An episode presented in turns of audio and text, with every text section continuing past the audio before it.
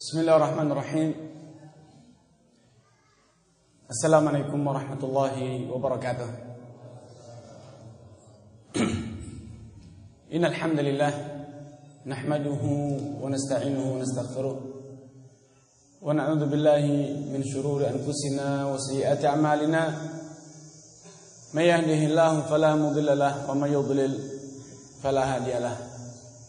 أشهد أن لا إله إلا الله وحده لا شريك له واشهد ان محمدا عبده ورسوله اما بعد اخوatu احبائي alhamdulillah kembali kita berjumpa di tempat ini semoga Allah Subhanahu wa taala senantiasa menambahkan ilmu kita kemudian amal kita sehingga iman kita bertambah takwa kita kepada Allah Subhanahu wa taala meningkat.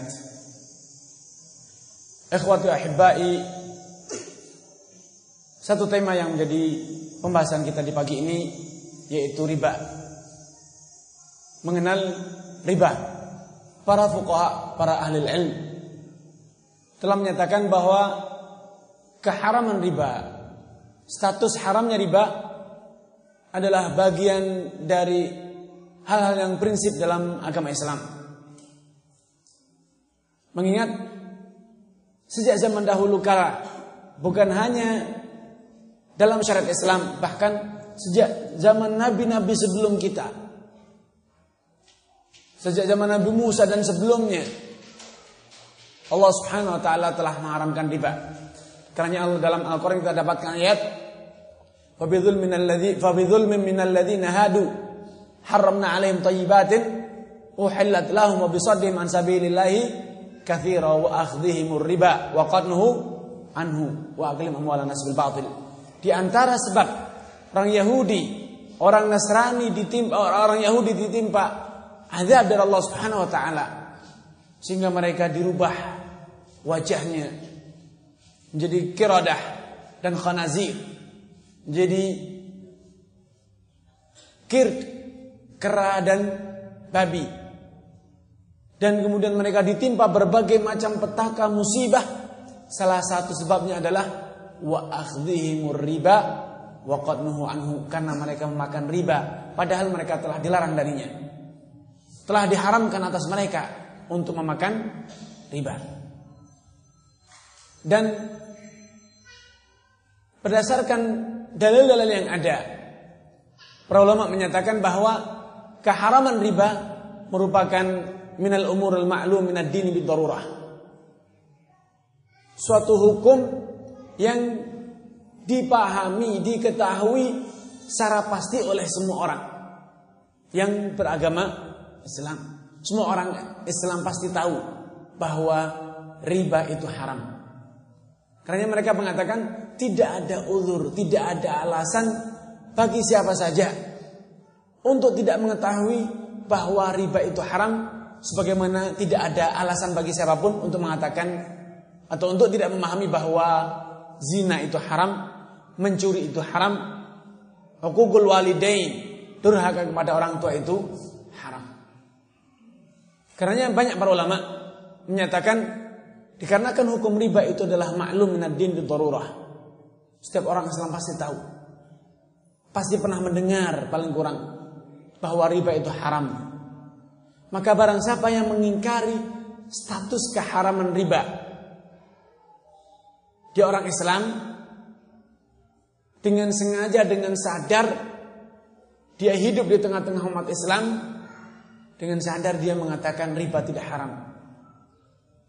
Maka jumhur ulama bisa dikatakan bahkan semua ulama mengatakan orang yang dengan sengaja mengingkari keharaman riba yang sudah nyata-nyata riba maka bisa dikatakan dia telah keluar dari agama Islam.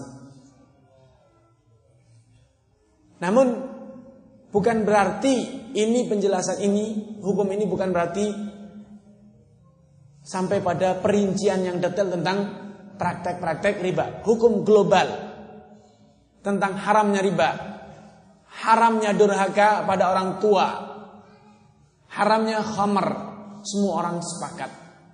Dan yang mengingkari seperti itu hukumnya. Tapi dalam sebagian perincian hukum riba, sebagian perincian hukum khamr terjadi perbedaan di antara para ulama. Tapi itu khilaf dalam apa? Hukum-hukum yang bersifat furu cabang dari masalah-masalah riba. Perincian yang lebih detail tentang praktek riba dan hukum khamr. Tapi hukum besarnya Judul besarnya itu haramnya riba, sepakat para ulama. Haramnya zina, sepakat para ulama. Haramnya khamar, sepakat para ulama. Tidak ada yang mengingkarinya. Karenanya jelaslah bahwa memahami praktek riba ini, memahami kronologi terjadinya praktek riba ini, suatu hal yang harus kita lakukan. Mengingat riba Praktek terlebih di zaman sekarang telah merajalela dengan berbagai macam modelnya yang nyata-nyata riba tanpa malu-malu menyatakan riba atau praktek riba yang terselubung yang masih malu-malu kucing tapi kerakusan, keganasan, keserakahan untuk mengeruk harta, menghalalkan segala macam cara itu sudah ada. Nampak dengan jelas. Ikhwatul ahibai. Banyak dari orang di zaman sekarang kaum muslimin termasuk para pengusaha juga di antaranya atau masyarakat umum. Karena riba, praktek riba telah merajalela, telah menguasai berbagai sendi ekonomi. Dari perdagangan, ekspor, impor, industri, pertanian, berbagai macam sektor. Perumahan, semua kebutuhan umat manusia sekarang ini telah dimasuki oleh gurita riba. Tidak ada sekarang seakan tidak ada seperti yang saya pahami praktek ekonomi besar ataupun kecil kecuali gurita riba telah menancapkan kaki-kakinya di sana. Kalau kita mau beli makanan kalau bukan pedagangnya menggunakan modal riba ya mungkin kita yang belinya. Kalau kita beli jajanan di pinggir jalan, jangan dikira pedagang bakso keliling, pedagang sate keliling itu semuanya bebas dari riba. Banyak mereka modalnya yang dari riba, dari perbankan. Kalau dulu 15 tahun silam atau mungkin 20 tahun silam sulit rasanya untuk pinjam uang dari lembaga-lembaga riba. Harus mengajukan agunan penjamin hutang, kemudian sekian minggu baru dikabulkan. Baru disetujui permintaan kreditnya, piutangnya. Tapi sekarang satu jam selesai urusan. Kita datang satu jam, keluar dari lembaga riba, kita sudah membawa lengkap uang atau mungkin surat pembelian rumah atau kendaraan atau yang lainnya. Padahal nilainya bukan kecil, ratusan juta bahkan mungkin miliaran. Hanya diselesaikan dalam waktu satu jam. Pedagang keliling, pedagang asong, pedagang kerupuk, pedagang bakso, pedagang sayuran, mereka dikejar-kejar oleh pemasaran lembaga riba. SMS masuk, Anda membutuhkan modal, kami siapkan modal untuk Anda. Kami siap melayani modal Anda hingga sekian puluh juta. Padahal pedagang sayuran berapa dagangannya? Nilai dagangnya berapa? Tidak satu motor yang dia bawa mungkin tidak lebih dari satu juta. Tapi demikian lembaga riba sudah masuk sampai ke mereka tanpa perlu mengajukan, tapi didatangi bahkan. Di pasar-pasar tradisional, apalagi di pasar-pasar modern. Semua sudah tiba. Memang enak beli tanpa mengeluarkan uang. Tanpa susah-susah menabung, tanpa harus mengencangkan ikat pinggang, tanpa harus mengurangi jatah jajan anak-anak. Saat ini kalau Bapak mau maka sekarang juga punya kendaraan, punya rumah, punya semuanya. Memang enak sekali. Cepat. Mimpi itu tidak usah berkepanjangan. Kalau dulu bermimpi itu tahunan. Mimpi punya rumah. Setelah 20 tahun baru bisa terwujud mimpinya. Sekarang bermimpi tadi pagi jam 8 pagi sudah terwujud mimpinya. Kendaraan sudah punya, rumah sudah jadi, tinggal huni. Sore hari sudah selesai pindahan, langsung huni rumah. Mimpi itu tidak berkepanjangan di zaman kita. Cepat sekali. Sehingga memang enak, empuk. Karena terlalu empuk, terlalu enak, banyak orang ya kalau tidak pakai skema riba, ke mana kita bisa beli rumah? Akhirnya yang dulu ayah kita sabar bermimpi selama 10 tahun, 20 tahun, menabung, mengencangkan ikat pinggang, anak-anaknya pun juga turut sabar bermimpi sekian panjang. Sekarang giliran kita setelah menjadi kepala rumah tangga, kita tidak sabar untuk bermimpi terlalu panjang seperti ayah kita. Apa yang kita lakukan? Oh, Ustaz, kalau tidak pakai KPR, rasa-rasanya mustahil saya bisa punya rumah. Kalau tidak pakai kredit, mana mungkin saya bisa beli kendaraan? Mana mungkin saya bisa punya uang 200 juta, 300 juta, bahkan mungkin satu miliar. Dari mana? Gaji saya hanya 6 juta, 7 juta. Saya sudah mencoba nabung. Gatel rasanya Pak Ustaz. Baru 4 bulan tidak tahan. Habis lagi. Habis lagi. Mana bisa? Suatu hari saya di Solo. Ketika saya naik taksi. Saya tanya kepada supir taksi. Pak, mobilnya sudah milik sendiri atau masih perusahaan? Masih perusahaan. Ustaz. Kenapa enggak dicicil? Terlalu berat. Kalau nyicil harus sekian tahun baru selesai. Saya takut, saya sudah umur sekian takut mati akhirnya enggak bisa punya kendaraan. Ya sudah beli itu neno kalau enggak mau takut kredit. Saya bilang, aduh duitnya Ustaz. Enggak terkumpul.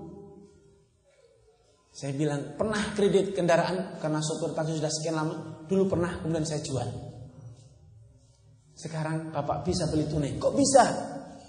Saya sudah nyoba tidak pernah tahan. Dulu waktu kredit bagaimana? Mengencangkan ikat pinggang? Ya. Setiap bulan store satu setengah juta? Ya. Kok bisa? Bisa Ustaz, tapi harus mengencangkan ikat pinggang. Sekarang kalau bapak mengencangkan ikat pinggang, kalau dulu lima tahun, sekarang tiga tahun paling lama bapak saya bisa beli. Kok gitu Ustaz? Kalau bapak kredit yang harganya 100 menjadi 180 Dua kali lipat pak. Jadi akhirnya mengencangkan pinggang selama berapa lama? 5 tahun. Baru bisa kendaraannya menjadi milik sendiri. Nah kalau bapak sekarang nabung Maka bapak dapat 100 juta sudah bisa beli kendaraan sendiri. Ketika bapak bayar Kendaraan menjadi milik bapak Bapak kendaraan masih bagus. Tapi kalau sejak sekarang bapak nyicil Lima tahun yang akan datang kendaraannya sudah tidak tahu seperti apa wujudnya. Udah tidak bisa milih ya hanya ini kendaraan yang bapak milih. Bapak miliki walau tabrakan, walau dipukul orang, ditabrak orang, ya itu yang akan menjadi milik. Tapi kalau bapak mengencangkan ikat pinggang tiga tahun, nabung punya 100 juta, bapak bisa milih kendaraan yang bapak suka. Yang mau, warna, model, mesin, semuanya bapak bisa milih. Oh gitu saja. Namun seperti bapak betul-betul ikat pinggangnya kalau sudah ditarik krek kenceng tidak boleh dikendalikan lagi kalau kredit seperti itu juga ketika bapak nabung. Saya sudah masukkan tabungan satu juta satu bulan.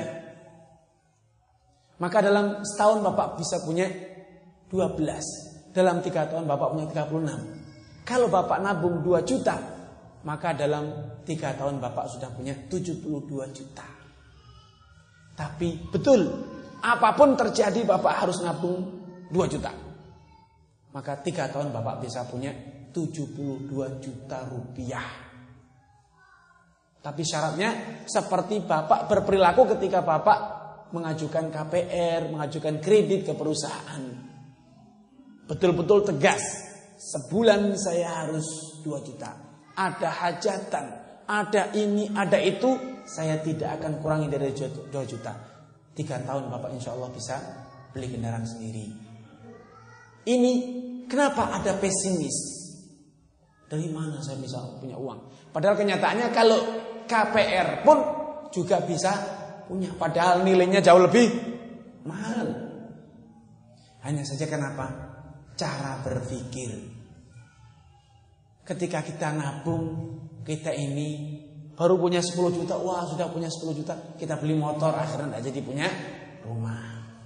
Nabung lagi dapat 10 juta, aduh enak kayaknya kalau beli kasur baru, beli kasur baru. Akhirnya tidak pernah terkumpul betul. Nabung lagi tiga tahun, sofanya sudah kurang enak, beli sofa. Akhirnya tidak pernah bisa beli rumah. Padahal kalau kita kredit, sofa robek, kasur jelek, kita tidak akan pernah beli. Kita harus bisa sabar. Kenapa? Cicilannya belum lunas. Pola pikir ini harus kita rubah. Kalau memang saya sudah bertekad saya akan beli rumah, seperti kata Allah faida azamta Allah. Kalau sudah bertekad beli, bismillah. Tidak boleh toleh kanan, tidak boleh toleh kiri. Siap. Saya harus sisihkan, saya harus tegas seperti ketika saya terjerat oleh kredit. Pasti bisa. Kenapa ketika dijajah kita bisa, ketika kita merdeka tidak bisa? Inilah pola pikir. Bangsa kita memang terlalu lama dijajah. Akhirnya, kalaupun harus membeli dengan 182 juta, bisa, tapi kalau 100 juta tidak bisa. Kenapa? Di sana 180 juta kita diikat oleh orang. Diisap darah kita sama orang. Tapi kalau 100 juta kita yang jadi rajanya. Uang di tangan kita. Kapan pun kita ambil bisa. Kita akhirnya merasa pesimis. Inilah mentalitas yang harus kita rubah. Kita harus punya mentalitas sebagai seorang pengusaha. Seorang yang memiliki tekad. Seseorang yang bisa memahami mana skala prioritas dalam kebutuhan hidup. Prioritas saya rumah. Saya tidak akan beli yang lain sebelum rumah terwujud. Prioritas saya kendaraan. Saya tidak akan pernah beli yang lain yang akan mengurangi, yang mengganggu rencana ini kecuali setelah saya beli kendaraan. Saya akan merintis sewa toko, buka toko. Saya tidak akan pernah berubah, tidak akan pernah bergeming dengan tawaran apa saja sampai harapan saya ini, keinginan saya terwujud. Dengan cara seperti itu, dengan merubah pola pikir kita akan bisa. Karenanya jangan tergiur dengan fasilitas, kemudahan yang itu sesaat, tapi selanjutnya kita betul-betul diisak oleh lintah darah. Enak sekarang saya bisa makan, saya bisa minum, saya bisa punya kendaraan sekarang. Tapi ingat, selama 10 tahun Bapak akan menderita. Tidur tidak pernah nyenyak. Kenapa? Setiap bulan Bapak berpikir saya harus menyisihkan uang agar ketika jatuh tempo tanggal 25 saya sudah bisa bayar. Kalau tidak, saya akan diteleponi, ditagihi. Kalau tidak, tagihannya akan membengkak, akan ada bunganya. Terus panjang bulan selama masa, masa kredit, Bapak akan terus berpikir dan berpikir. Tapi kalau Bapak nabung, Bapak menyisihkan uang, Bapak tenang. Semakin menyisihkan, Bapak semakin adem hatinya. Oh semakin banyak. Oh hari ini semakin banyak. Oh semakin sekarang jadi 10 juta. Kemarin 9. Sekarang jadi 11. Bapak semakin adem hatinya. Tapi ketika cicilan. Bapak membayar 2 juta setengah. Cicilannya. Bapak panas. Aduh 2 juta setengah saya serahkan begitu saja. Panas terik matahari yang selama ini selama satu bulan melayang begitu saja. Setelah melayang 2 juta mulai pikir bulan depan bagaimana. Harus saya berjuang lagi sehingga selama proses cicilan Bapak tidak akan pernah nyaman, tidak akan pernah bisa tidur nyenyak, tidak akan pernah bisa makan enak. Tapi kalau Bapak nabung, semakin nabungan tabungnya bertambah, tidur semakin nyenyak. Oh, semakin dekat impian saya terwujud. Makan semakin enak, sesaat lagi saya akan makan di rumah impianku sendiri. Karena jangan tergiur, enak sesaat. Sekarang saya punya rumah. Tapi ingat, deritanya seperti panjangan. Dan ketika lunas, rumah kita sudah harus direnovasi. Kenapa? Biasanya 10 tahun rumah KPR itu sudah mulai rontok-rontok. Tapi kalau Bapak nabung 5 tahun, 5 tahun rumah Bapak masih bagus karena baru dibangun. 10 tahun ke depan setelah dibangun, rumah masih bagus karena mutu bahannya yang Bapak pilih sendiri. Sehingga luar biasa. Inilah seharusnya kita ini mampu membandingkan dan tidak tergiur dengan enak sesaat kan memang riba itu sesaat sementara terasa enak. Begitu juga sebagai rentenir. Rentenir pun enak sesaat. Sekarang saya hutangkan 10 juta, bulan depan sudah menjadi 11 juta. Bulan depan menjadi 12 enak. Sementara itu uang Anda menjadi banyak, Anda menjadi kaya, itu juga sesaat, tidak akan lama.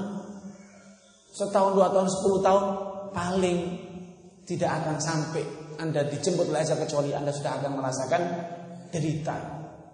Sebagai seorang rentenir, penyakit berbagai macam penyakit, anak yang durhaka, istri yang selingkuh, keluarga yang tidak tentram, hati yang tidak pernah nyaman, itu pasti dirasakan oleh para rentenir. Lihatlah orang yang kerjanya di instansi rentenir bunga riba, orang yang hobinya mengutangkan riba.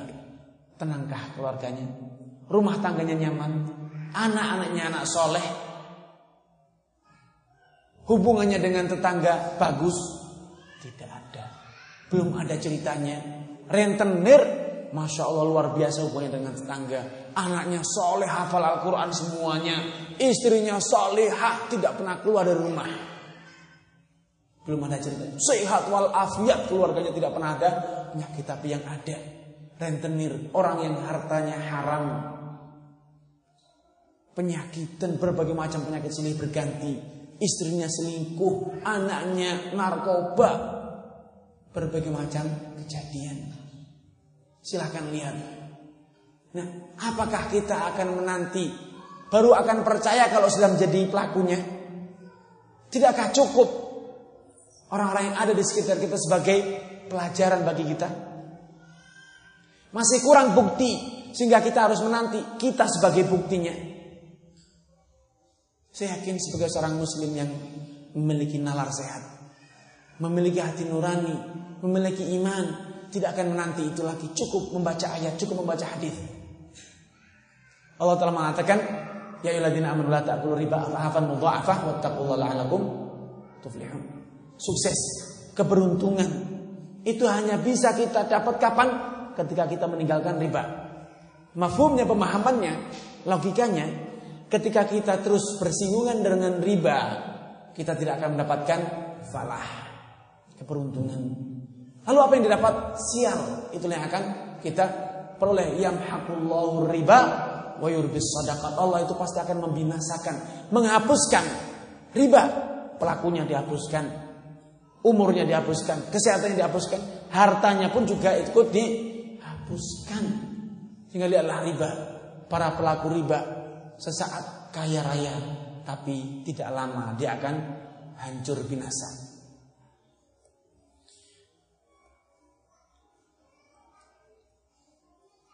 Rasulullah SAW telah memberikan penegasan Inna riba wa in kathura fa'akibatu ila qalb riba. Walaupun sesaat itu menjadikan harta kita melimpah. Menjadikan perdagangan kita ini berlipat ganda. Tapi itu hanya sementara, tidak akan lama. Dulu semua orang tergila-gila, terkagum-kagum, terbelalak matanya dengan ekonomi Amerika. Mimpi bisa beli perumahan di Amerika, mimpi bisa investasi di Amerika di Eropa. Sekarang siapa yang berani invest di negara-negara tersebut? di Eropa, di uh, mana Amerika. Semua orang sekarang, sedang menarik investasinya di sana. Kenapa? Baru, belum lama Amerika ekonominya maju. Tapi sekarang sudah mengalami kehancuran. Terus hancur, suram dan menurut prediksi para ekonom tidak akan bisa diselamatkan lagi. Hanya menunggu, hanya mempersiapkan Bagaikan matras agar jatuhnya itu terasa lebih empuk, tidak terlalu dalam jatuhnya. Tapi terus ekonominya terus hancur. Ini sudah menjadi fakta. Sudah menjadi cara krisis-krisis ekonomi yang terus berganti, terus silih berganti. Semuanya adalah karena praktek-praktek riba. Indonesia sudah lebih dahulu mengalaminya. 97, 98, semua orang sudah tahu. Pasar tradisional ramai tidak sepi. Nelayan terus mendapatkan tangkapan ikan. Petani, peladang, perusahaan semuanya jalan. Konsumsi masyarakat tinggi. Tapi kenapa hancur ekonomi kita? Rupiah dulu 1 dolar 2500. Sekarang hanya 9500. Dulu pernah sampai 20.000. Kenapa itu terjadi? Karena sistem riba. Sistem yang dianut oleh ekonomi masyarakat kita adalah riba. Uang itu dikaitkan dengan waktu. Asal ada pertambahan waktu maka uang harus bertambah. Makanya ada semboyan the time is money. Itu adalah semboyannya Yahudi. Waktu itu semuanya harus dikaitkan dengan uang. Padahal ke dalam Islam bukan waktu yang menjadikan kita memiliki uang. Semboyan the time is money itu adalah dari mereka yang mengajarkan. Kalau dalam Islam kita ingin memiliki uang, kita memiliki dua hal, jasa atau barang. Sehingga ekonomi itu real, Bukan hanya asalkan waktunya bertambah walau kita tidur. Tidak bisa dalam Islam. Sehingga malas-malasan. Yang penting saya sudah punya modal. Saya serahkan dia, dia, dia. Beri, utangi dia. Saya tidur nyenyak. Besok bangun dia akan store uang. Saya tidur lagi. Besok bangun dia akan store uang. Tapi kalau dalam ekonomi Islam. Tidak bisa bermalas-malasan seperti itu. Islam itu adalah agama yang produktif. Kalau ingin uang Anda berlipat ganda, bertambah, berkembang, maka Anda hanya memiliki dua jalur. Produksi, jual beli barang, yaitu yang Anda berarti harus bekerja dengan berdagang. Menghasilkan barang, industri, pertanian, e, nelayan atau yang lainnya. Harus ada basis barangnya. Atau kalau tidak, ya jual jasa. Apa layanan Anda yang Anda berikan kepada orang lain? Apa jasa yang bisa Anda berikan kepada orang lain agar mereka juga memberi uang kepada Anda? Sehingga dalam Islam, kalau tidak ada jasa, tidak ada uang, bisa dipastikan itu riba. Kalau terjadi pertumbuhan, terjadi pertambahan nilai. Kalau dalam Islam tidak ada jasa, tidak ada uang, maka yang ada adalah sedekah, infak, zakat, wakaf. Itu tidak ada jasa. Tidak ada barang, tapi ada uang. Iya, karena saya dikasih zakat. Ada orang yang infak, ada orang yang wakaf. Saya tahu-tahu alhamdulillah bangun tidur, buka pintu ternyata ada Pak Ahmad datang.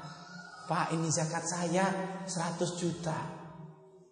Silakan dibagi 10 orang buat modal usaha ya.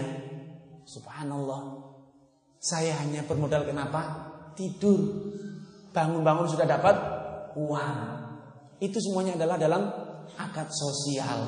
Jadi kalau kita mau menempuh akad komersial yang bertujuan melipat gandakan uang, menginvestasikan uang, kekayaan, maka kita harus memiliki satu dari dua atau bahkan dua-duanya, barang dan jasa.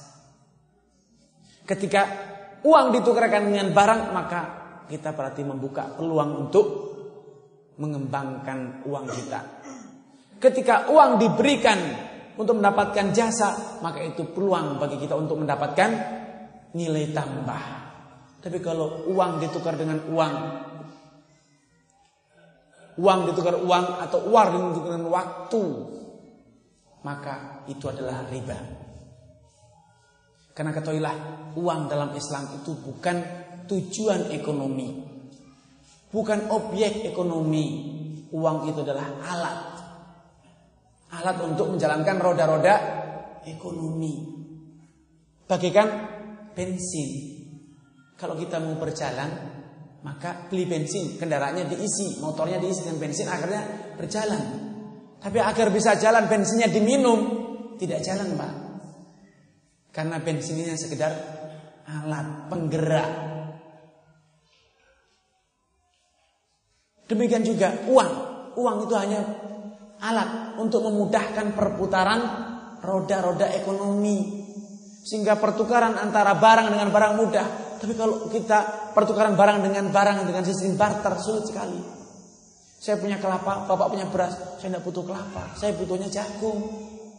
Akhirnya tidak bisa sih pertukaran. Ya, saya punya jasa apa? Sebagai tukang urut, saya lagi tidak pegel-pegel.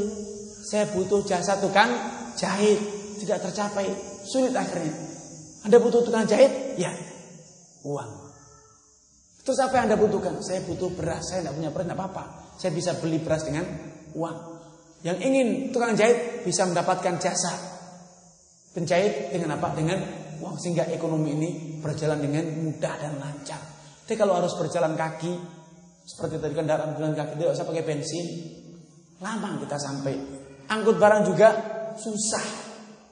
Belum lagi kalau harus menyeberang lautan. Dengan apa kita menggerakkan? Berenang tidak sampai. Pakai perahu sampan lama sekali. Harus ada bensin atau solar itu penggerak. Sehingga itu bukan tujuan ekonomi, uang bukan tujuan ekonomi. Itu adalah alat untuk memutar roda-roda ekonomi agar kita masing-masing dari kita mendapatkan kebutuhannya. Anda butuh makan, makanlah uang Anda. Tidak ada yang mau. Anda mau mandi, tidak punya air, mandi aja pakai uangnya. Tidak bisa, harus beli air. Sehingga uang itu alat bukan tujuan. Sehingga orang yang menjalankan berbisnis atau yang lainnya tujuannya hanya ingin mendapatkan uang, itu orang yang bodoh. Makanya uangnya disimpan kikir mereka. Punya uang banyak tapi lapar. Anak istrinya pakainya compang camping. Ini orang yang bodoh. Punya uang itu adalah untuk apa? Memenuhi kebutuhan. Ya kalau memang butuh beli. Jangan disimpan. Uang itu bukan tujuan tapi hanya alat untuk memenuhi kebutuhan. Memudahkan Anda untuk memenuhi kebutuhan. Jadi jangan dijadikan sebagai tujuan. Karena ketika zaman sekarang umat manusia menjadikan uang sebagai objek ekonomi sehingga ada namanya bisnis falas. Bisnis falas. Uang ditukar dengan uang diputar dengan uang diputar dengan uang diputar dengan uang akhirnya bertambah bertambah bertambah. Apa yang terjadi sengsaralah kita. Nilai mata uang jatuh tidak karuan dari 2.500 menjadi 20.000. Kenapa? Para spekulan. Orang yang tadi bermain uang dengan uang, uang dan uang. Tapi kalau coba uang itu sebagai alat, tidak boleh dipertukarkan kecuali dengan syarat yang ketat. Kenapa? Bukan oh, bukan tujuan tapi alat. Maka ekonomi akan berjalan stabil, walau pelan, betul, tapi pasti terus berjalan berkembang. Aman, tidak akan tidak mudah terjadi goncang. Krisis ekonomi 9798 terjadi gara-gara para investor-investor Yahudi keluar dari Indonesia dalam satu hari yang sama. Ketika mereka para investor menanamkan modalnya di perbankan-perbankan kita. Undang-undang perbankan kita masih lemah sekali. Mereka sepakat, yuk kita jatuhkan Indonesia agar perusahaan-perusahaan, agar negaranya dengan mudah kita beli. Kita jatuhkan dulu perusahaannya. Dengan apa? Kita tarik investasi kita dalam satu hari. Ayo semuanya bareng-bareng. Kita dulu datang dengan dolar. Dolar dengan uangnya dihitung di depan bank ini bank itu tidak. Mereka hanya bermain angka lewat komputer. Saya sudah transfer angkanya ke rekening Anda. Lihat. Oh iya, angkanya sudah bertambah. Mana fisik uangnya? Tidak ada. Sehingga mereka bisa datang dengan miliaran dolar dalam waktu satu detik, satu menit. Dan mereka juga keluar dari Indonesia dalam waktu satu menit, satu detik. Saya keluar sekarang, segera kembalikan dolar saya. Maka terjadi ras, kekacauan, kepanikan ekonomi. Perbankan semuanya berusaha mengembalikan dolar. Akhirnya apa? mereka yang dolar tadi sudah dicairkan menjadi rupiah karena yang pasar uang yang berlaku di Indonesia adalah rupiah maka mereka panik harus menukar dengan dolar lagi dalam waktu yang pendek dalam jumlah yang besar akhirnya terjadi kepanikan ras nilai rupiah terus berguguran jatuh terjun bebas setelah rupiah jatuh perusahaan-perusahaan jatuh mereka datang lagi oh jatuh ya sakit ya Nih, saya beli lagi perusahaannya. Saya beli lagi sahamnya. Untung dua kali. Kemarin untung, sekarang untung seribu kali. Karena yang kemarin perusahaan yang mereka invest di sana nilainya miliaran triliunan. Sekarang yang dulu sahamnya satu lembar itu dari sepuluh ribu sehingga tersisa tiga rupiah. Ada yang tiga puluh rupiah. Saya tahu ketemu dengan salah satu manajer perbankan. Katanya dulu saham bank saya itu 15 ribu rupiah per lembar. Ketika krisis ekonomi nilainya hanya tersisa 30 rupiah per lembar. Sehingga dibeli lagi oleh mereka orang-orang Yahudi lagi sehingga sekarang sahamnya mulai naik lagi, untung dua kali. Dapat perusahaannya lagi dengan nilai yang sangat murah. Belum lagi negaranya dihutangi, harus bayar dengan berbagai macam konsekuensi-konsekuensi perjanjian-perjanjian yang menjadikan negara kita sengsara. Disubsidi macam-macam harus dicabut. Akhirnya apa? Rakyat kita tidak bisa bersaing. Apa? Harus berdiri sendiri menghadapi siapa? perusahaan-perusahaan multinasional yang besar-besar. Hingga tidak bisa dibayangkan bagaimana bencana yang kita alami kala itu. Karenanya praktek riba memang ekonomi kita langsung burs besar, langsung muncul perusahaan baru, langsung muncul bank besar. Tapi kalau mereka keluar seperti dulu lagi maka akan hancur kita. Karena mereka masuk cepat dan keluar cepat. Tapi kalau coba menggunakan skema cara hukum Islam, tidak boleh ada pertukaran falas kecuali tunai, serah terima fisik. Anda punya berapa juta dolar? Satu miliar dolar, hitung di depan mata saya. Satu, dua, datangkan mesin penghitung. Krek, krek, krek. Berapa jam selesai? Satu miliar dolar. Berjam-jam. Ya sudah, sekarang giliran saya yang ngitung uang rupiah saya. berjam-jam. Katanya saya sudah capek nungguin hitungnya saja. Sudah lanjutin besok ya transaksinya lagi. Terus uangnya yang segini satu truk ini ke mana kita simpan? Ayo masukkan ke berangkas. Berapa berangkas kita butuh? Datangkan berangkasnya. Lama prosesnya. Ya, tapi tidak akan bisa dia keluar begitu saja dengan mudah. Kenapa? Kalau mau keluar membawa dolarnya, dia harus datangkan pesawat. Kulinya harus ngangkuti uang. Dimasukkan di tata pesawat lama sekali. Ya, tapi dia tidak bisa main-main dengan nilai tukar mata kita, mata uang kita. Sehingga stabil ekonomi kita. Tapi kalau sekarang orang di Amerika sana di kamar tidurnya mesra sama istrinya main internet komputer ya saya sudah transfer satu miliar dolar Sampai sampai angkanya sudah masuk ke komputer saya. Ya, sekarang saya transfer sekian triliun rupiah.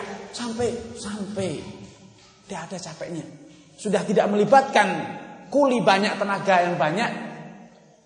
Dampaknya luar biasa. Tapi kalau harus tadi tunai harus betul-betul terjadi serah terima fisik berapa kuli yang harus menghitung mesin penghitungnya berapa yang tukang ngangkatnya lagi berapa? Pesawat yang disewa untuk ngangkutnya berapa? Sehingga ekonomi ini setiap kali ada investor maka akan melibatkan sekian banyak tenaga kerja membuka lapangan pekerjaan baru. Tapi sekarang banyak investor yang masuk ke Indonesia namun banyak investor tersebut dana yang begitu besar tanpa membuka lapangan pekerjaan satupun. Kenapa? Mereka investasi di mana? Di lantai bursa. Bukan membuka perusahaan baru, bukan menghasilkan produksi baru atau toko baru tidak. Mereka hanya duduk di depan komputer datang dari Amerika dengan komputernya, duduk. Sehingga tidak ada lapangan pekerjaan baru. Dia hanya pencet enter, delete enter, angka-angka saja. Selesai masalah. Investasi. Mereka, oh saya sudah pulang, untung. Bawa laptopnya lagi. Sehingga mereka datang dengan laptop, pulang dengan laptop. Tidak ada yang ditinggal di negeri kita. Yang ada nilai rupiah sudah berantakan kacau luar biasa. BI harus menahan arus pertukaran uang dengan apa? Devisanya dikeluarkan, digelontorkan ke pasar untuk menahan penguatan dolar. Dolar kita yang merupakan devisa negara dikeluarkan ke pasar. Harus membeli dolar dalam jumlah banyak agar nilai tukar itu stabil. Tapi orang yang tadi ini datang dengan laptop tidak peduli. Mau BI kalang kabut, yang penting dia untung. Inilah ekonomi zaman sekarang. Karena banyak pengamat mengatakan betul investasi di negara kita luar biasa. Besar jumlahnya, tapi lapangan pekerjaan tidak terlalu banyak yang terbuka. Karena kebanyakan mereka investasi di falas atau investasi di lantai bursa yang uangnya itu berputar di antara mereka saja. Tidak sampai ke daerah, tidak sampai ke lapangan pekerjaan. Sehingga namanya besar. Indonesia kita punya apa namanya perputaran uang di negara kita besar tapi ternyata tidak mendatangkan kesejahteraan. Bahkan sebaliknya menjadikan kita sengsara. Nah, haramnya riba telah menjadi kata sepakat. Namun karena kondisi tertentu sering kali Ustaz ya tapi kan kalau tidak pakai skema kredit tidak punya rumah lama Ustaz. Nah, sudahlah nanggung dosa dikit. Kalau harus mengencangkan ikat pinggang 10 tahun, saya sudah mendingan sekarang pakai KPR, istighfarnya yang 10 tahun. Kalau bapak dulu puasa 10 tahun baru bisa rumah punya rumah ini. Sekarang saya mau istighfarnya yang 10 tahun punya rumahnya sekarang. Sebagian orang berpikir seperti itu. Kan dosanya masa nggak bisa tertebus dengan istighfar 10 tahun Ustaz. Ya kalau kurang lama ya saya tambah jadi 11 tahun, 12 tahun. Kurang lama. Masa nggak cukup? Seringkali ada muncul itu bahasa yang saya buat kasar. Kasarnya seperti itu. Tapi lembutnya. Masa tidak ada toleransi Ustaz? Ya. Sekali aja Ustaz. Beli rumah sudah. Yang penting saya bisa tenang. Sudah punya rumah sendiri. Subhanallah. Ucapan-ucapan ini. Kecerobohan dalam praktek riba ini. Hanya terlontar oleh orang-orang yang tidak paham. Seberapa besar dosanya orang yang makan riba. Inna dirham yusibur rajul minar riba a'zam indallah fil khati'ati min sittin wa thalathina zinyatan yazniha rajul. Berzina 36 kali itu dosanya lebih ringan dibanding makan riba. Berapa banyak? Hanya satu dirham. Makan satu dirham saja dosanya lebih dari 33 6 kali zina. Lah bagaimana kalau makannya 10 dirham? Makannya 1000 dirham. Tinggal kalikan. 1000 kali 36 berarti 36 ribu kali berzina. Alhamdulillah. Ada yang nakal berkata, ya Ustaz kalau gitu mendingan saya zina sekali saja Ustaz. Kan dosanya ringan. Daripada makan riba, zina sekali. Subhanallah, tidak demikian. Zina itu dosanya sangat besar. Disiksa di neraka. Dosa besar sepakat ulama itu dosa besar. Namun riba lebih besar dosanya. Subhanallah. Padahal dia ustaz kerjanya ke masjid luar biasa. Rajin sholat dia. Tapi di mata Allah Subhanahu taala itu lebih hina dibanding orang yang kerjanya zina. 36 kali zina. Dia tuh kerjanya ke masjid Ustaz. Iya. Kita tidak berpikir, tidak memandang dengan apa? Nalar kita. Di mata Allah dosa orang itu lebih besar dibanding orang yang di mata kita germo luar biasa, jahatnya luar biasa. Kerjanya berzina, itu ternyata di mata Allah lebih mulia dibanding orang yang makan riba walau sarungan walau pecian. Subhanallah. Karena Allah SWT tidak melihat penampilan. Seperti yang kemarin saya sampaikan, penampilan boleh meyakinkan. Pecian, sarungan, kerjanya di masjid. Tapi kalau rentenir, di mata Allah itu lebih hina dibanding orang yang berzina 36 kali. Bahkan lebih parah lagi. Riba itu dosanya itu 72 tingkat. Ada 72 pintu riba. Yang paling kecil, paling ringan dosanya itu seperti menzinai ibu sendiri. Alhamdulillah. Seperti apa dosanya? Orang yang tega durhaka kepada orang tua itu dosa besar. Nah ini dosanya seperti durhaka dengan ibunya dengan apa? Dizinai ibunya, diperkosa ibunya. Na'udzubillah. Masih ada dari kita yang mengatakan, ringan Ustaz. Saya akan istighfar 11 tahun. Asal sekarang saya punya rumah sekarang. Daripada saya puasa 11 tahun, saya istighfar 10 tahun. 11 tahun. Subhanallah, tidak. Terlalu besar dosanya. Karena Allah Subhanahu wa taala dalam Al-Qur'an mengatakan satu-satunya dosa yang kelak di hari kiamat pelakunya ditantang perang sama Allah, ditantang kelahi sama Allah. Adalah pemakan riba. Fa in tubtum fa fa ya biharbin minallahi wa rasulih. Kalau engkau tidak bertobat dari makan riba, maka ingat ketahui sejak sekarang Allah telah memandangkan peperangan denganmu. Para ulama tafsir menyebutkan Meriwayatkan dari Abdullah bin Mas'ud radhiyallahu taala dan yang juga sahabat yang lainnya. Bahwasanya kelak di hari kiamat para pemakan riba akan diperintahkan untuk angkat senjata. Untuk ambil senjata yang dia bisa ambil, untuk ambil senjata yang dia bisa punya karena dia akan berhadapan perang dengan Allah Subhanahu wa taala. Kira-kira bisa selamat? Kira-kira bisa menang? Kira-kira bisa untung dia? Mana mungkin Allah akan timpakan siksa yang sangat pedih padanya. Kenapa? Dia telah ditantang perang Allah Subhanahu wa taala. Fa'dzanu biharbin minallahi wa rasulih. Nauzubillah. Nah, ada yang lagi mengatakan, "Ustaz, saya bukan pemakannya, Ustaz. Saya korbannya. Saya bukan yang makan."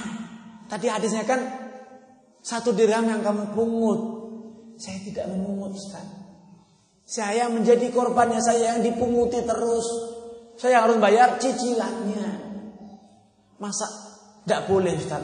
Apakah sebesar itu dosanya? Tidak Ustaz. Tidak manusiawi kalau seperti itu. Saya kan sudah ditindas.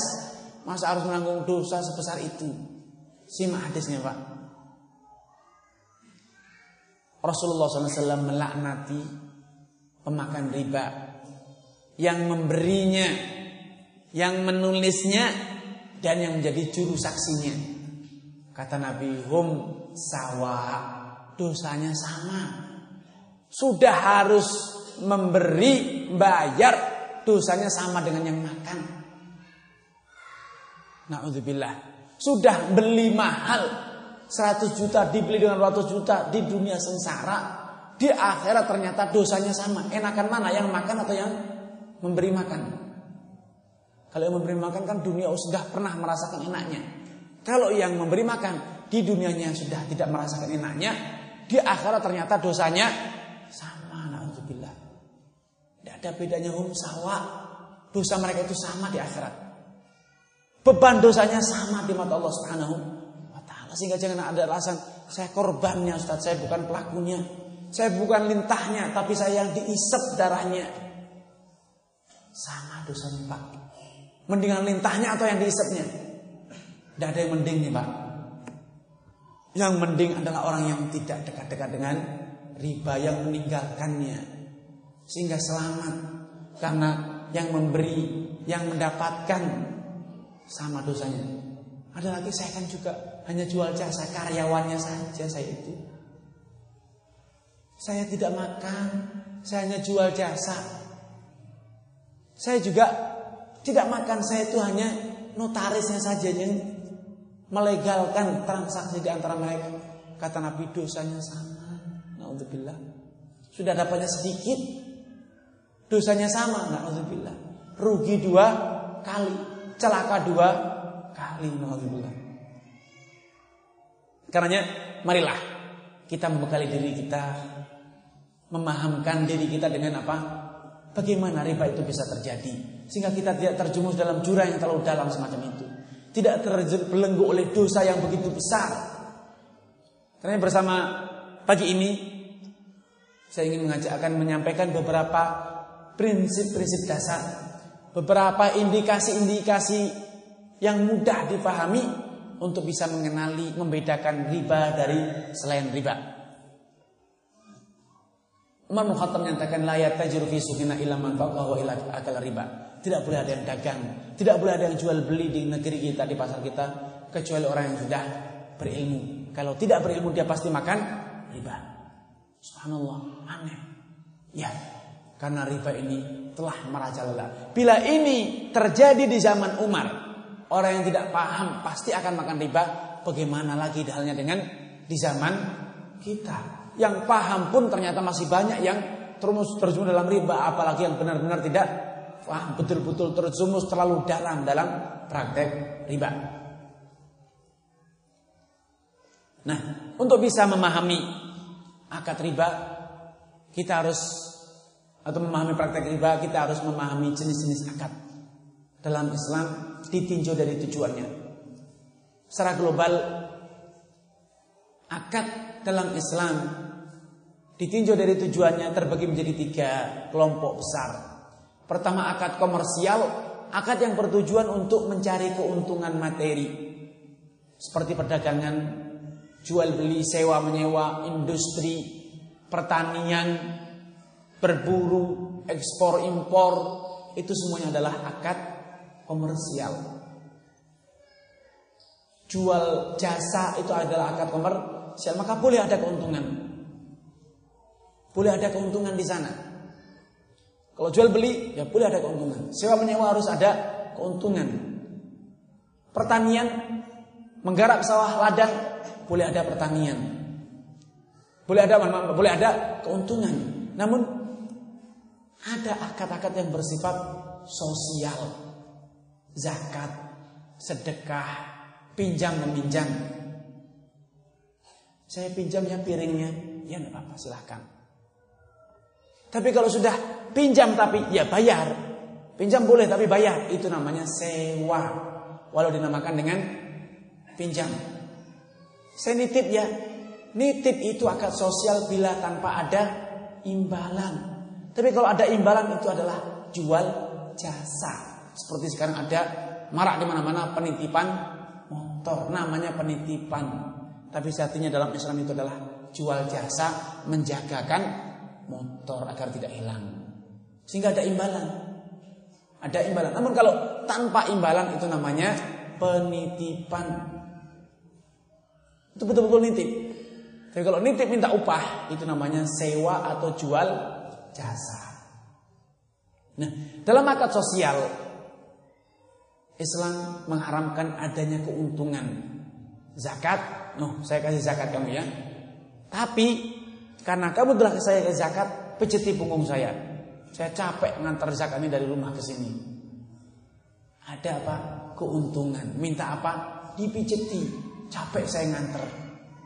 Subhanallah. Dalam Islam, keuntungan ini haram. Allah telah menegaskan, Inna nut'imukum liwajhillahi la nuridu minkum jazaan wala syukur. Kami memberi makan, bersedekah, memberikan apa? Uluran tangan kepada kalian. La nuridu minkum jazaan wala tidak ada. Imbalan yang ingin kami harapkan.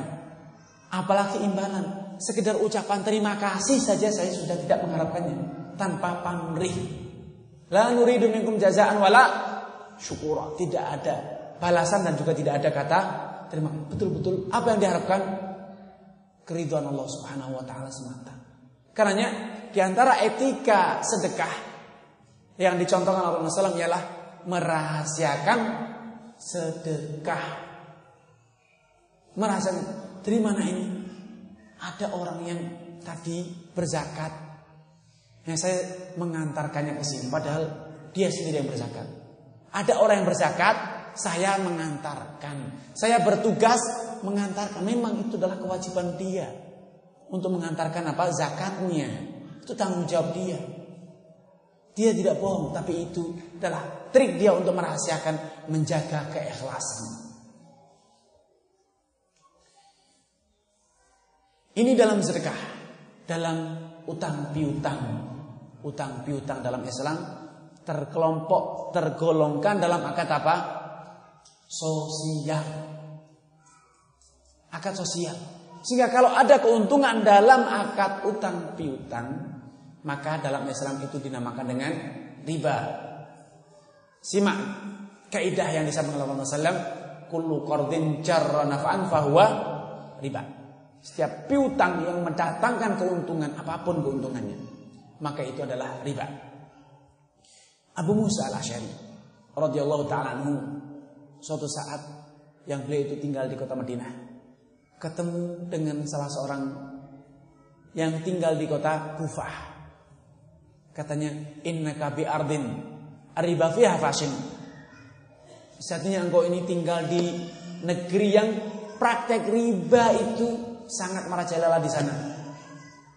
Banyak dipraktekkan, banyak dijalankan oleh masyarakat. Dan di antara bentuk riba, di antara praktek riba yang jarang disadari oleh masyarakat, ialah engkau menghutangi sejumlah uang. Dan setelah engkau menghutangi, engkau diberi hadiah sekeranjang anggur atau seikat rumput sekeranjang anggur atau seikat rumput. Maka ketahuilah sekeranjang anggur tersebut atau seikat rumput itu adalah riba. Jangan pernah engkau terima. Iya ini kan rumput bukan saya makan. Sapi saya yang makan. Iya, rumput itu ada nilainya. Rumput itu ada nilainya. Sehingga ini adalah bentuk dari keuntungan tidak boleh diambil. Tidak boleh dipungut. Karena kalau engkau ambil maka itu adalah riba. Walau yang makannya siapa? Sapimu, kudamu, kerbaumu, kambingmu itu adalah riba. Karena kalau kita beli seikat rumput berapa harganya? Kalau kita harus mencari rumput berapa lama waktu yang kita keluarkan, tenaga yang kita keluarkan berarti kita telah mendapatkan keuntungan. Maka tidak boleh ada hadiah ketika kita praktek riba. Sebagian kita ketika menabung ya dapat undian umroh Pak Ustaz. Dapat undian umroh. Ya, tabungan itu adalah bentuk dari piutang. Itulah hutang. Kita hutangkan kepada perbankan. Sejumlah uang. Kemudian uang itu oleh perbankan diputar, diinvestasikan, digunakan untuk membiayai proyek-proyeknya. Kemudian kita diberi keuntungan. Dan di antara bentuk-bentuk keuntungan adalah undian-undian. Hadiah-hadiah kadang potongan kuku, alat memotong kuku, kadang almanak tanggalan, kadang notebook, berbagai macam hadiah. Tapi itu adalah bentuk keuntungan. Karena kalau kita ditanya, berapa beli almanak yang seperti itu kalau di pasaran? Notebook yang ada seperti itu berapa? Atau undian, kalau berangkat umroh dengan biaya sendiri berapa? Semuanya itu adalah bentuk dari keuntungan dari piutang yang kita berikan kepada perbankan. Sehingga jelas berdasarkan hadis di atas kullu qardin cara naf'an fa riba, setiap piutang yang mendatangkan keuntungan itu adalah riba, maka itu adalah haram hukumnya. Karenanya Majelis Ulama Indonesia dan juga ulama-ulama internasional telah sepakat bahwa bunga perbankan itu haram karena apa? Riba. Bahkan majelis ulama kita lebih ekstrim mengatakan institusinya, lembaganya pun haram semuanya. Harusnya bagaimana? Kata mereka tutup semuanya. Harusnya perbankan itu ditutup semuanya. Tidak boleh ada. Karena mereka jelas-jelas mempraktekkan apa? Riba. Subhanallah betul-betul tegas mereka memfatwakannya dalam perbankan konvensional. Kemudian jenis akad ketiga adalah akad jaminan, misalnya gadai. Gadai. Tujuannya hanyalah sekedar memberikan jaminan kepada pihak kreditur agar dia tidak khawatir, agar dia merasa aman bahwa uangnya suatu saat akan kembali. Uangnya yang diutangkan suatu saat akan kembali dengan utuh. Agar dia tidak khawatir, Islam mengajarkan solusi itu dengan adanya gadai. Namun ingat, gadai ini adalah akad turunan dari adanya akad riba. Itu adalah akad turunan. Sehingga hukum yang berlaku pada gadai berlaku e, pada adalah hukum yang berlaku pada utang piutang. Karena gadai baru ada setelah didahului oleh akad utang piutang. Sehingga jelas para ulama menyatakan tidak boleh gade itu dimanfaatkan. Ketika gade dimanfaatkan maka itu akan atau itu menjadi praktek riba. Menjadi praktek riba. Karena Allah mengatakan Ar-rahmu min rahimihi lahu wa alaihi. Barang gade kalau kita tinjau barangkali kata Nabi dari e, kita kaitkan dengan penggadainya, orang yang menggadaikannya, kata Nabi itu lahu gunmu wa alaih gurmu. Itu milik dia. Barang itu stasiun masih sah milik orang yang menggadaikannya. Sehingga keuntungannya, manfaatnya atau kerugiannya betul-betul harus dimiliki dan ditanggung oleh yang menggadaikannya. Adapun yang menerima gadai pihak kreditur dalam yang mengutangkan tidak boleh mengambil keuntungan. Dan juga tidak berkewajiban untuk menanggung kerugian. Kalau ini gadaikan, gadaikan misalnya makanan. Karena janjinya gadai sehari ternyata makanannya basi. Ya itu resiko yang menggadaikan. Lalu bagaimana? Ya nilai piutangnya masih utuh tidak berkurang. Kan makanan saya basi harus dibuang tidak bisa dimakan. Ya itu resiko anda. Kalau menggadaikan Misalnya sapi digadekan. Saya gadekan sapi ini, ternyata sapinya mati, sakit dan mati. Maka nilai piutangnya tidak berkurang sedikit pun dan kematian itu sepenuhnya adalah kerugian dari pemiliknya yang berhutang. Lalu bagaimana dengan susunya misalnya? Sapi ini punya susu. Siapa yang memiliki susunya? Dari hadis tadi lahu ghunmuhu itu miliknya kreditur, dialah yang berat menikmati keuntungan atau kerugian maka secara hukum para ulama sepakat itu adalah hak milik yang menggadaikan pihak debitur yang berhutang. Dia yang berhak memerah, dia yang berhak meminumnya, dia yang berhak untuk menjualnya.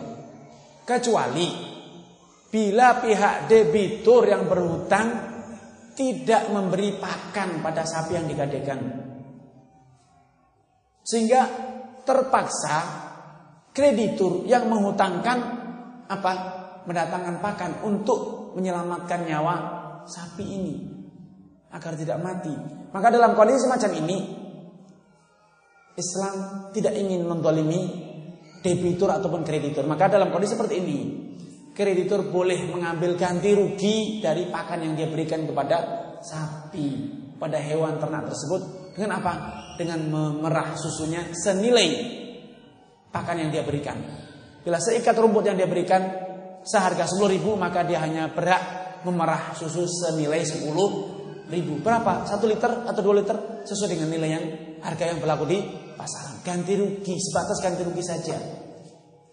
Kalau yang digadang adalah kuda, maka dia berhak untuk uh, namanya menunggangi kuda tersebut senilai ganti rugi pakan yang dia berikan kepada kuda. Tapi di zaman sekarang menggadaikan motor, motor tidak perlu pakan. Letakkan saja di rumah, tidak akan mati karena memang dari kemarin sudah benda mati. Lah kalau tidak dipanasi Ustaz, lama-lama akan rusak. Biar rusak itu resiko yang punya motor. Kalau dia tidak ingin motornya rusak, ya segera ditebus. Kalau tidak ingin rusak, ya dipanasi sendiri silahkan. Tapi kreditur tidak berkewajiban untuk memanasi. Lalu bagaimana? Tidak boleh dipakai? Tidak. Kalau dipakai berarti kita telah mendapatkan keuntungan dari piutang yang kita berikan. Dan itu adalah riba. Ditinjau dari konsekuensinya, secara Islam dalam Islam akad terbagi menjadi dua jenis. Akad yang memindahkan kepemilikan barang dan akad yang tidak memindahkan kepemilikan barang. Akad yang memindahkan barang misalnya jual beli. Kalau Anda menjual, maka setelah dijual barang itu menjadi milik orang. Tapi sewa menyewa itu tidak memindahkan barang. Rumah masih milik Anda, namun kegunaannya saja yang Anda jual. Sehingga penyewa memiliki hak guna tapi tidak memiliki hak untuk memiliki rumah. Sehingga ketika nyewa rumahnya dirombak, direnovasi tidak tidak boleh membongkar rumah. Rumahnya dijual tidak boleh. Dia hanya boleh menggunakannya. Pinjam meminjam, saya pinjam motornya. Itu hanya akad yang bertujuan apa? Memberikan hak guna saja. Tapi Status kepemilikan motornya milik siapa? Yang yang meminjamkan. Nah, membedakan akad semacam ini ditinjau dari konsekuensi ini penting agar kita tidak ditipu oleh orang. Karena rentenir banyak yang mulai gerah. Tidak enak dibilang rentenir. Akhirnya merubah nama dengan cara apa? Ini bukan rentenir tapi investasi. Saya nanam saham di perusahaan Anda. Nanam saham, ya. Baik. Tapi mana lembar sahamnya? Enggak ada. Saham ini 100% malah milik saya. Saya hanya invest saja. Memiliki saham kok tidak punya lembar saham. Invest kok tidak punya toko. Ada seorang yang pengusaha ingin uh, menginvestasi di toko misalnya, tapi dia tidak siap untuk menjalankan. Ada saudaranya yang mahir mengelola toko. Ya, Anda buka toko, saya invest, modalnya 100% dari saya. Ini investasi. Ketika berhasil, berhasil, berhasil, berhasil, modal 100 juta, sekarang kekayaan toko sudah menjadi 500 juta. Maka pelaku usaha sering kali dan ini adalah perilaku-perilaku yang menyimpang dari syariat.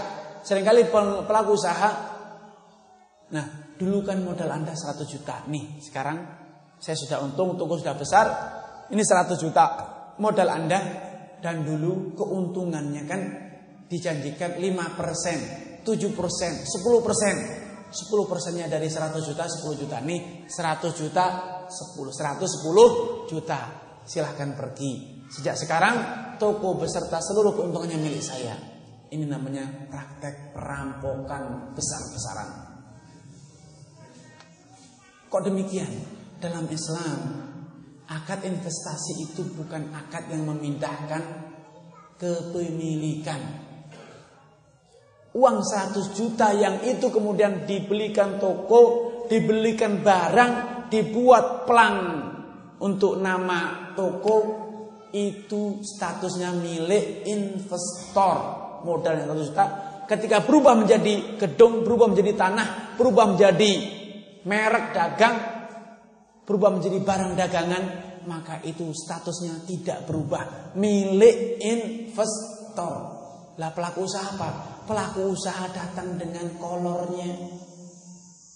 Dia tidak punya barang. Lalu apa yang dia dapat? Yang dia dapat adalah peluang berkarya untuk bisa mendapatkan bagi hasil. Sehingga ketika nah sekarang toko asetnya sudah menjadi 500 juta. Kita investasi dengan skema motor bagi hasil. Baik. Modalnya 100 juta berarti keuntungan kita 400 juta. Kita sudah sepakat 50-50. Maka pemodal katakan, ya terima kasih Anda mahir sekali berusaha. Anda mahir sekali mengelola toko. Sekarang toko mau saya kelola sendiri. Ini bagian Anda 200 juta. Silahkan buka toko sendiri sekarang. Di tempat lain. Toko ini menjadi milik saya. Saya yang pemodalnya. Saya investornya. Toko ini dibeli dengan uang saya. Barang diisi dengan barang uang saya. Maka status toko menjadi milik saya. Dan sekarang sudah tidak ingin melanjutkan kerjasama lagi. Tidak masalah, sah-sah saja. Namun ingat pelaku usaha dialah yang harus angkat kaki bukan investor. Baik, dia kan investor di tengah jalan. Saya kalau itu hanya butuh 100 juta, tapi sebelumnya saya sudah punya toko, punya merek, punya tempat. Ya, kalau seperti itu harus dijelaskan ketika akad. Harus ada penilaian aset. Toko Bapak sekarang dinilai 50 juta sepakat? Ya sepakat. Tanahnya, gedungnya, dan isinya. Ya, sekarang saya invest dengan 100 juta berarti saya 2 per 3 dari kekayaan toko ini menjadi milik saya. Dua per tiga dari toko yang akan kita kembangkan ini sahamnya milik saya. Sehingga ketika pecah kongsi ingin berpisah, maka dua per tiga dari kekayaan toko harus diserahkan kepada orang yang menyetor modal 100 juta. Sedangkan yang sepertiga dikembalikan kepada yang merintis toko tersebut.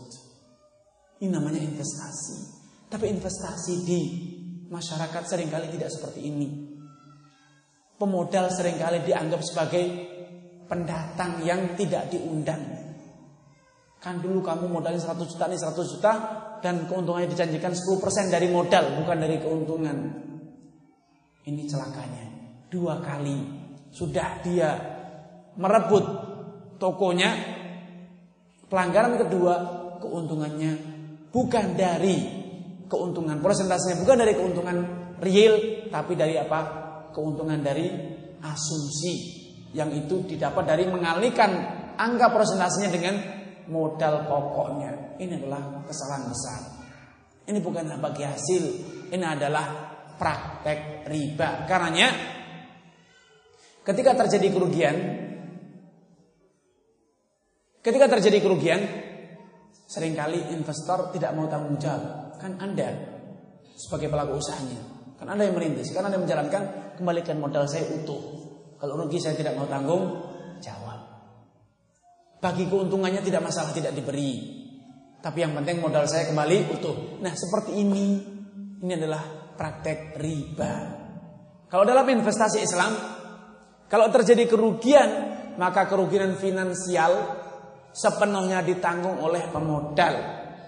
Sedangkan pelaku usaha selamat jalan. Tidak menanggung kerugian finansial sama sekali. Namun dia rugi skill, tenaga, waktu, pikiran sekian lama tidak menghasilkan apa? Apa. Sehingga adil. Ketika ada keuntungan, toko menjadi milik pemodal, tapi ketika terjadi kerugian, kerugian sepenuhnya ditanggung oleh modal. Adil seperti. Tidak ada yang didolimi, Inilah namanya investasi. Nah, memahami akad ditinjau dari konsekuensi hukum, memindahkan kepemilikan atau tidak, ini penting sekali agar kita tidak ditipu. Sekarang dalam praktek-praktek riba di masyarakat, sering kali praktek riba diberi label yang menggiurkan. Ini investasi Pak ya, bukan utang piutang, bukan tabungan, tapi ini mudorobah. Ini eh, akad salam skemanya Pak. Ini musyarakah dengan nama-nama yang luar biasa indah. Nama-nama yang tidak diragukan lagi itu ada dalam syariat Islam. Tapi ketika Bapak investasi, saya ini investasi Pak ya, akadnya bukan tabungan ya, bukan deposito nih Pak ya, investasi skema mudoroba Pak ya, ya. Setelah itu bapak akan hanya diberi buku tabungan. Apa bedanya saya dengan dia kalau itu? Investor di mana-mana sampai pun di tempatnya Yahudi di Israel sana yang namanya investor itu akan segera pegang surat saham. Pegang saham investor itu. Investasi di perusahaan, investasi di unit usaha itu akan diwujudkan dalam bentuk apa? Bukti bahwasanya Bapak investasi diwujudkan dalam lembar saham. Tapi kalau di perbankan yang ada, di e, BMT, BMT atau yang lain, investasi kita tidak diwujudkan dalam lembar saham, tapi hanya buku tabungan. Sehingga kita tidak mendapatkan hak memiliki perusahaan, hak pertambahan nilai karena aset ada pertambahan nilai, tanahnya waktu kita investasi harganya 100 juta, sekarang ada pertambahan nilai menjadi 500 juta kita tidak mendapatkannya. Kita hanya apa? Mendapatkan presentasi dari modal kita, bukan dari keuntungan real. Ini namanya kamuflase. Ini adalah praktek riba. Kenapa?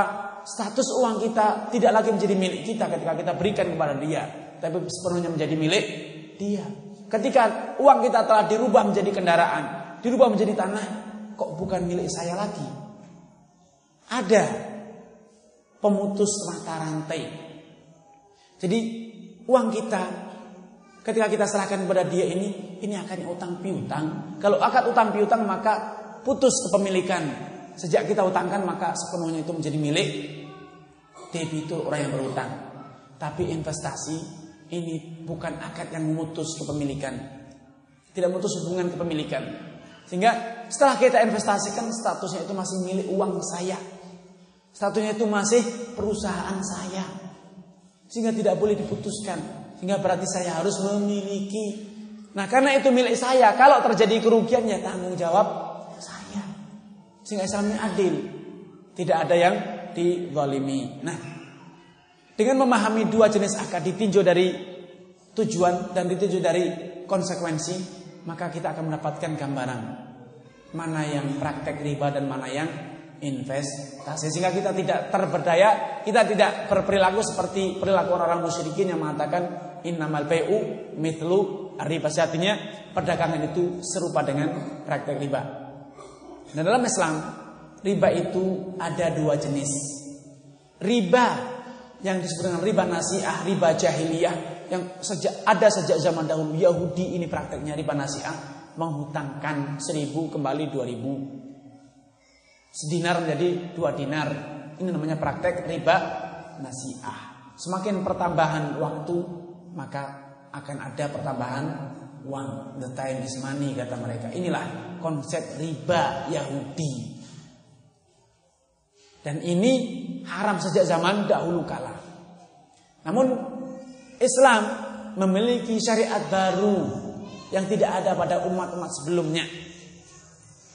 Itu yang disebut dengan riba al-fadl, riba perdagangan. Saya akan jelaskan satu persatu dari dua jenis riba ini.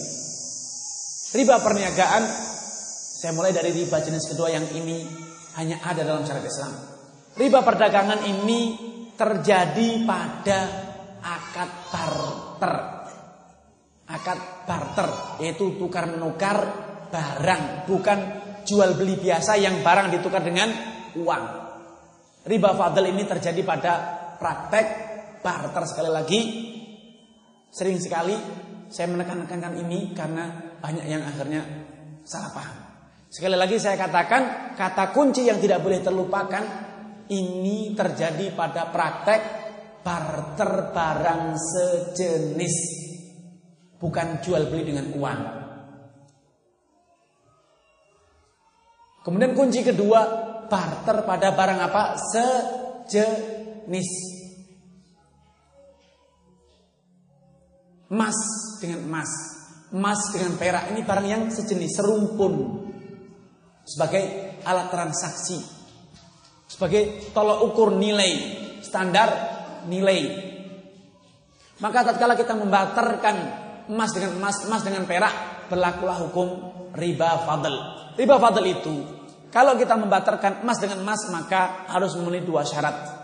Seperti dalam hadis, mitlan pemitlin sawaan bisawa harus sama nilainya, jumlahnya, kadarnya dan ya dan biadin harus terjadi serah terima fisik. Betul-betul diserah terikat ini mas saya dan ini mas saya. Karena kalau terjadi barter antara dua barang yang tidak sama, tidak sejenis namun serumpun itu sebagai alat transaksi, alat ukur standar nilai emas dengan perak.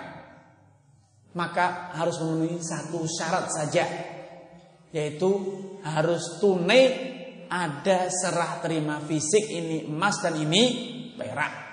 Tidak boleh ada ditunda karenanya tidak mungkin jual beli emas dengan emas melalui sistem online atau via telepon. Dan para ulama kontemporer, ulama zaman sekarang mereka menganalogikan uang dengan emas atau perak. Kenapa demikian? karena uang telah memainkan peranan emas dan perak menjadi apa standar nilai menjadi alat transaksi, menjadi alat untuk menyimpan harta kekayaan. Karena mereka mengatakan karena fungsi emas, dinar dan dirham telah digantikan dengan uang kertas. Maka uang kertas sekarang ini berlaku hukum riba fadl. Tidak boleh tukar menukar uang yang sejenis rupiah dengan rupiah kecuali yang senilai dan terjadi serah terima fisik. Demikian juga ketika kita membeli emas dengan uang. Karena uang telah dianalogikan, disamakan dengan dinar, maka kita tidak boleh membeli emas dengan uang rupiah atau yang lain kecuali tunai. Ada serah terima fisik walaupun beda nilai tidak masalah. Seperti halnya beli dinar dengan dirham. Boleh beda nilai tapi harus terjadi serah terima fisik. Terus betul harus ini uangnya dan ini barangnya itu emas ataupun perak. Ini kalau tukar menukar alat transaksi. Sehingga akan kalau gitu jual beli falasnya akan gulung tikar. Ya. Kalau kita melakukan Islam akan sempit ruangnya. Kenapa? Karena betul harus terima-terima fisik, tidak bisa online, tidak bisa. Via telepon juga tidak mungkin. Kecuali satu, yaitu falas yang menggunakan internet banking atau mobile banking. Saya transfer sekarang dan masih online, kita langsung transfer sama-sama transfer. Ini dalam uh, fatwa para ulama ini ada toleransi. Namun saat yang sama tidak boleh saya transfer sekarang, besok baru saya transfer uh, apa namanya gantinya tidak bisa. Harus sekarang juga dalam satu majelis dalam satu waktu. Nah, ini kalau makan Nah sekarang beras dengan bawa korma dengan korma. Kalau korma dengan korma maka juga memiliki dua syarat. Tunai, serah terima fisik, dan harus senilai. Satu kilo ya harus satu kilo. Satu takar juga harus satu takar. Tapi kalau korma dengan gandum, maka boleh beda jumlah sekilo dengan dua kilo tapi harus tunai serah terima fisik ini namanya hukum riba fadl. Barang siapa yang menyelisih dua syarat ini, maka dia telah terjerumus dalam riba fadl. Riba perdagangan. Mungkin ada yang berkata Ustaz, tapi kan kita tahu tukar tambah emas itu emas baru kan lebih bagus. Kan karatnya beda. Saya ingin yang 24 karat.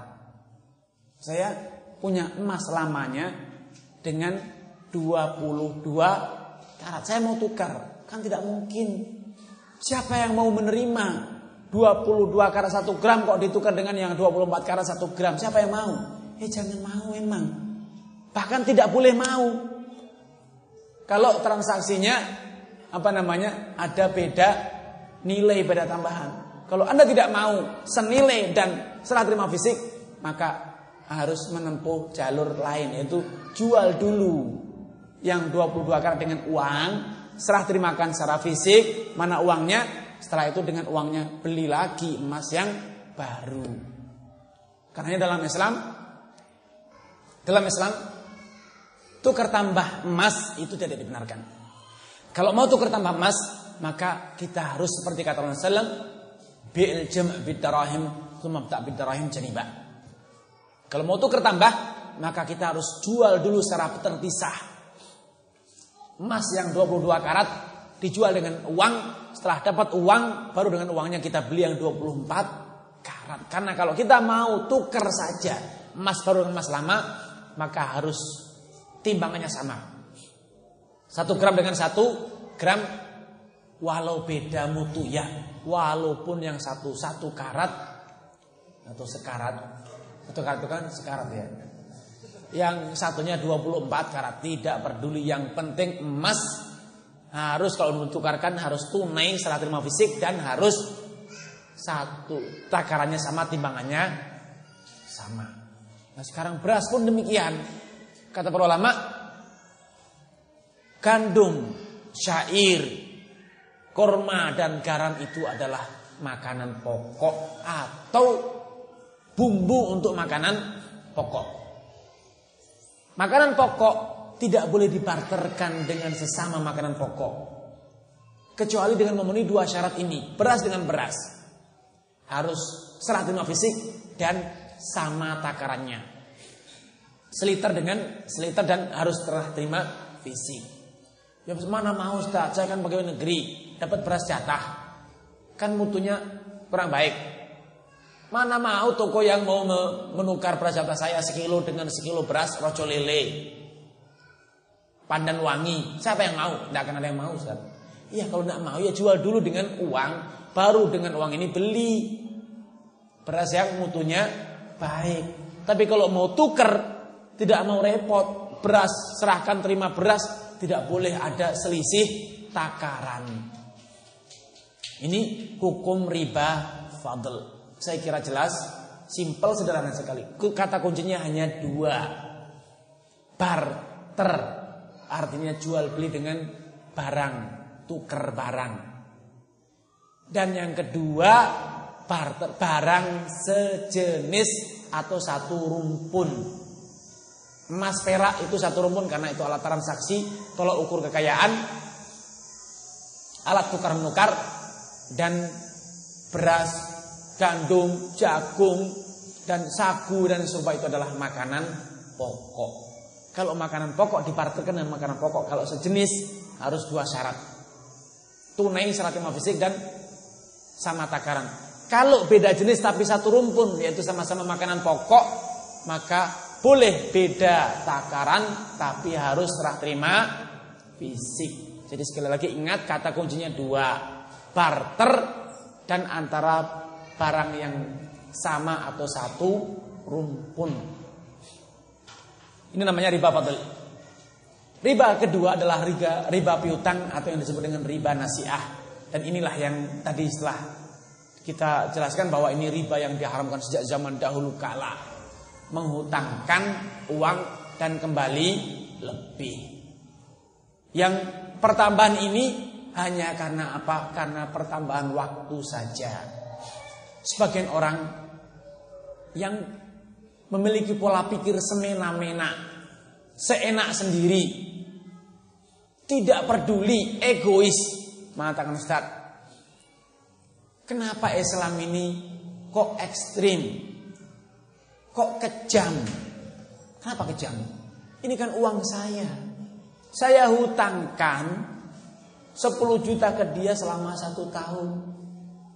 Kan uang itu mengalami inflasi, penyusutan nilai. Ya.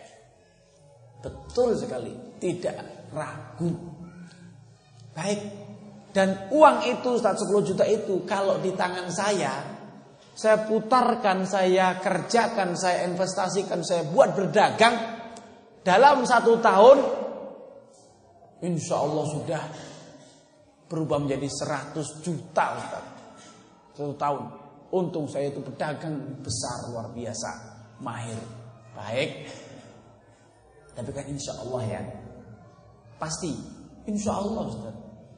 Ya kalau ternyata baru dihutangkan, dirampok tokonya. Mana yang untung? Kalau baru mau diinvestasikan kebakaran bisa jadi 100 juta? Tidak diinvestasikan, ditipu orang. Jadi 100 juta? Tidak. Jadi ini adalah pola pikir orang yang semena-mena. Mengira bahwasanya kalau dia yang mengelola uangnya pasti untung. Tidak ada jaminan untung dalam perdagangan. Betapa banyak orang yang optimis untung ternyata malah buntung. Bukan lagi bertambah uangnya namun semuanya ludes habis ditipu orang. Sehingga tanahnya dijual, rumahnya harus dijual. Sehingga akhirnya apa? Dia akan mengatakan terima kasih sudah berhutang sehingga dia apa? Uangnya selamat. Rumahnya kebakaran semua habis ludes. Sehingga dia mengatakan terima kasih. Untung mobil saya sampean pinjem.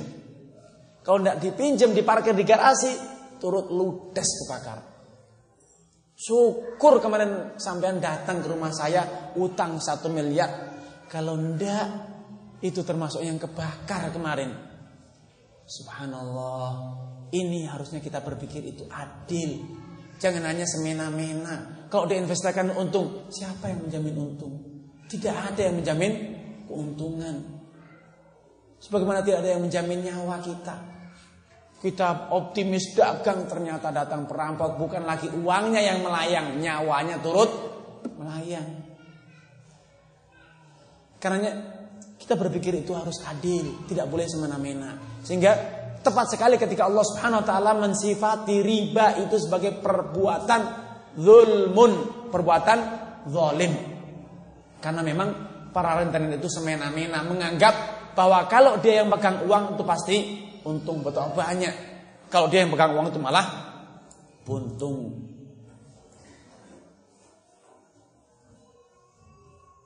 Karena dalam prinsip riba nasiah, riba jahiliyah, Rasulullah telah menggariskan satu kaidah kullu qardin naf'an atau manfaatan bahwa riba setiap akad piutang yang tidak ada pertukaran barang atau tidak ada jasa yang dipertukarkan yang diputarkan itu artinya adalah piutang.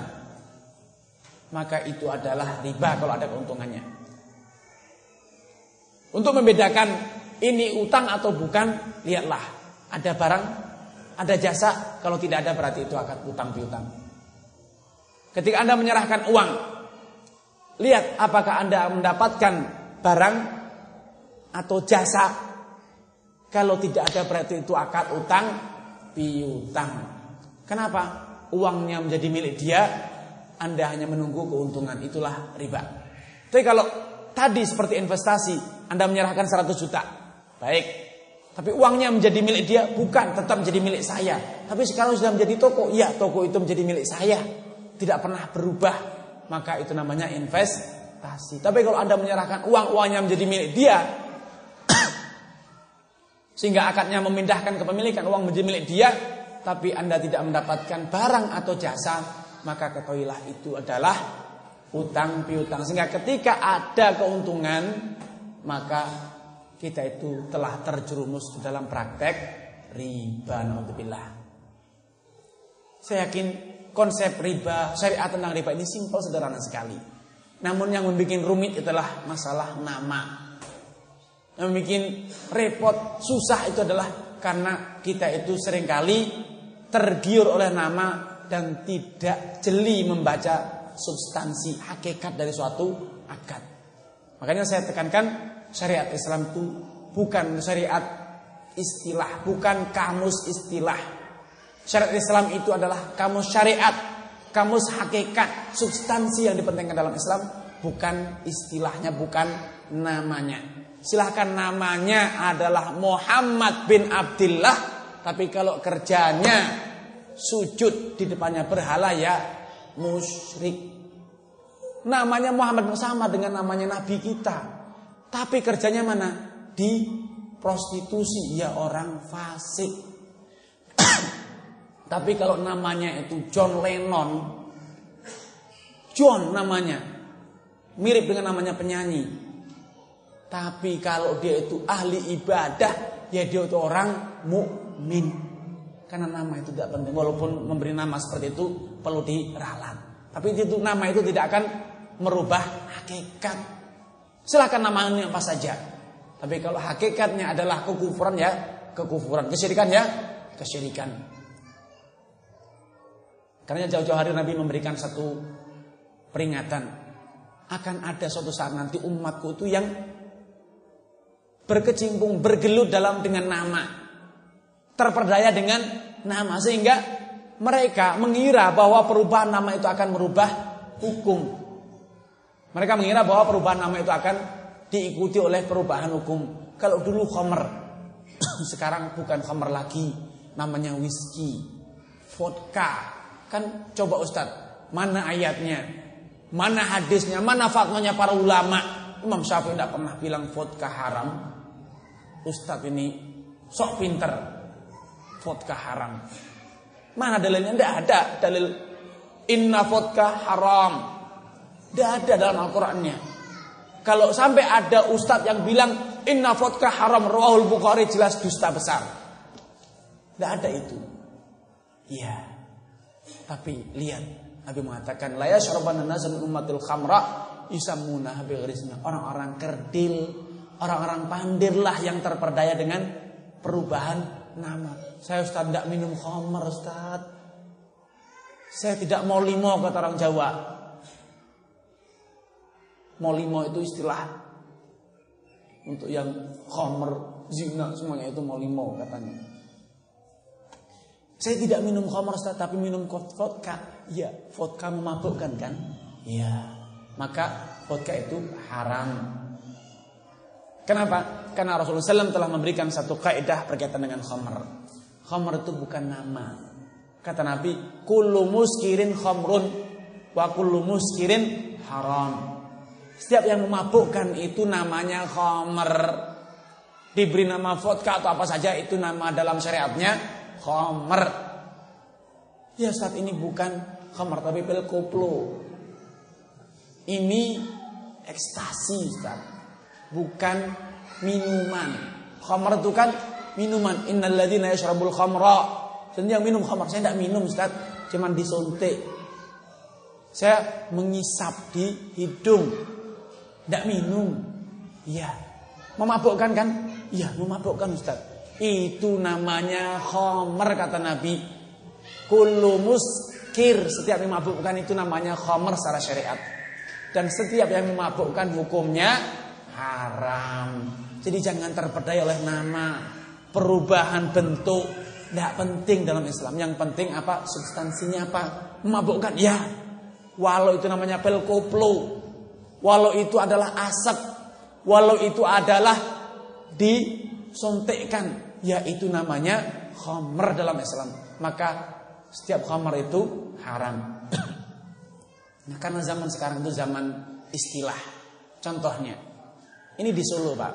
Para pedagang-pedagang cerdas Solo, mereka tahu ini kita harus membuat istilah nama baru untuk memasarkan, untuk menggenjot pemasaran. Bikin nama Hagjos warung pemuda, spesial makanan jamu. Kalau yang tidak tahu ke Solo, wah biar kuat, biar jos katanya. Kenapa? Makan makanan jamu. Contoh lain ini. Kawi USA, Solo Ethnic Food. Orang yang lugu akan mengira, oh ini makanan model apa ini? Pakai bahasa Inggris, USA ini menu Amerika ini. Tapi coba dibaca dari belakang Pak. Asu iwa. Iwa itu daging, asu itu anjing. Ini bahasa Jawa. Inilah cerdasnya sebagian pedagang nakal. Hak jos, bukan hak jos Pak. Huk. Tiru suara anjing makanya huk huk huk huk. Itu kan suaranya anjing, bukan hak jos. Itu suaranya anjing. Ini maksudnya menu dari daging anjing. Makanya namanya memang keren Pak ya. Tapi kalau sudah tahu hakikatnya kita akan Oh ternyata daging anjing Namanya jamu Pakai bahasa Inggris Dikiranya bacanya habjos Atau Kwai USA Karena Inggris-Inggrisan ada Solo ethnic food Berarti kan bahasa Inggris nih Padahal itu adalah Dibalik saja Pak. Iwa asu. Tapi kalau ditulis iwa asu orang Islam tidak mau beli. Yang mau masuk situ malu. Maka dibuat nama yang samaran. Sehingga orang wah makanya luar biasa menu Amerika. Padahal menu Jawa sih Pak.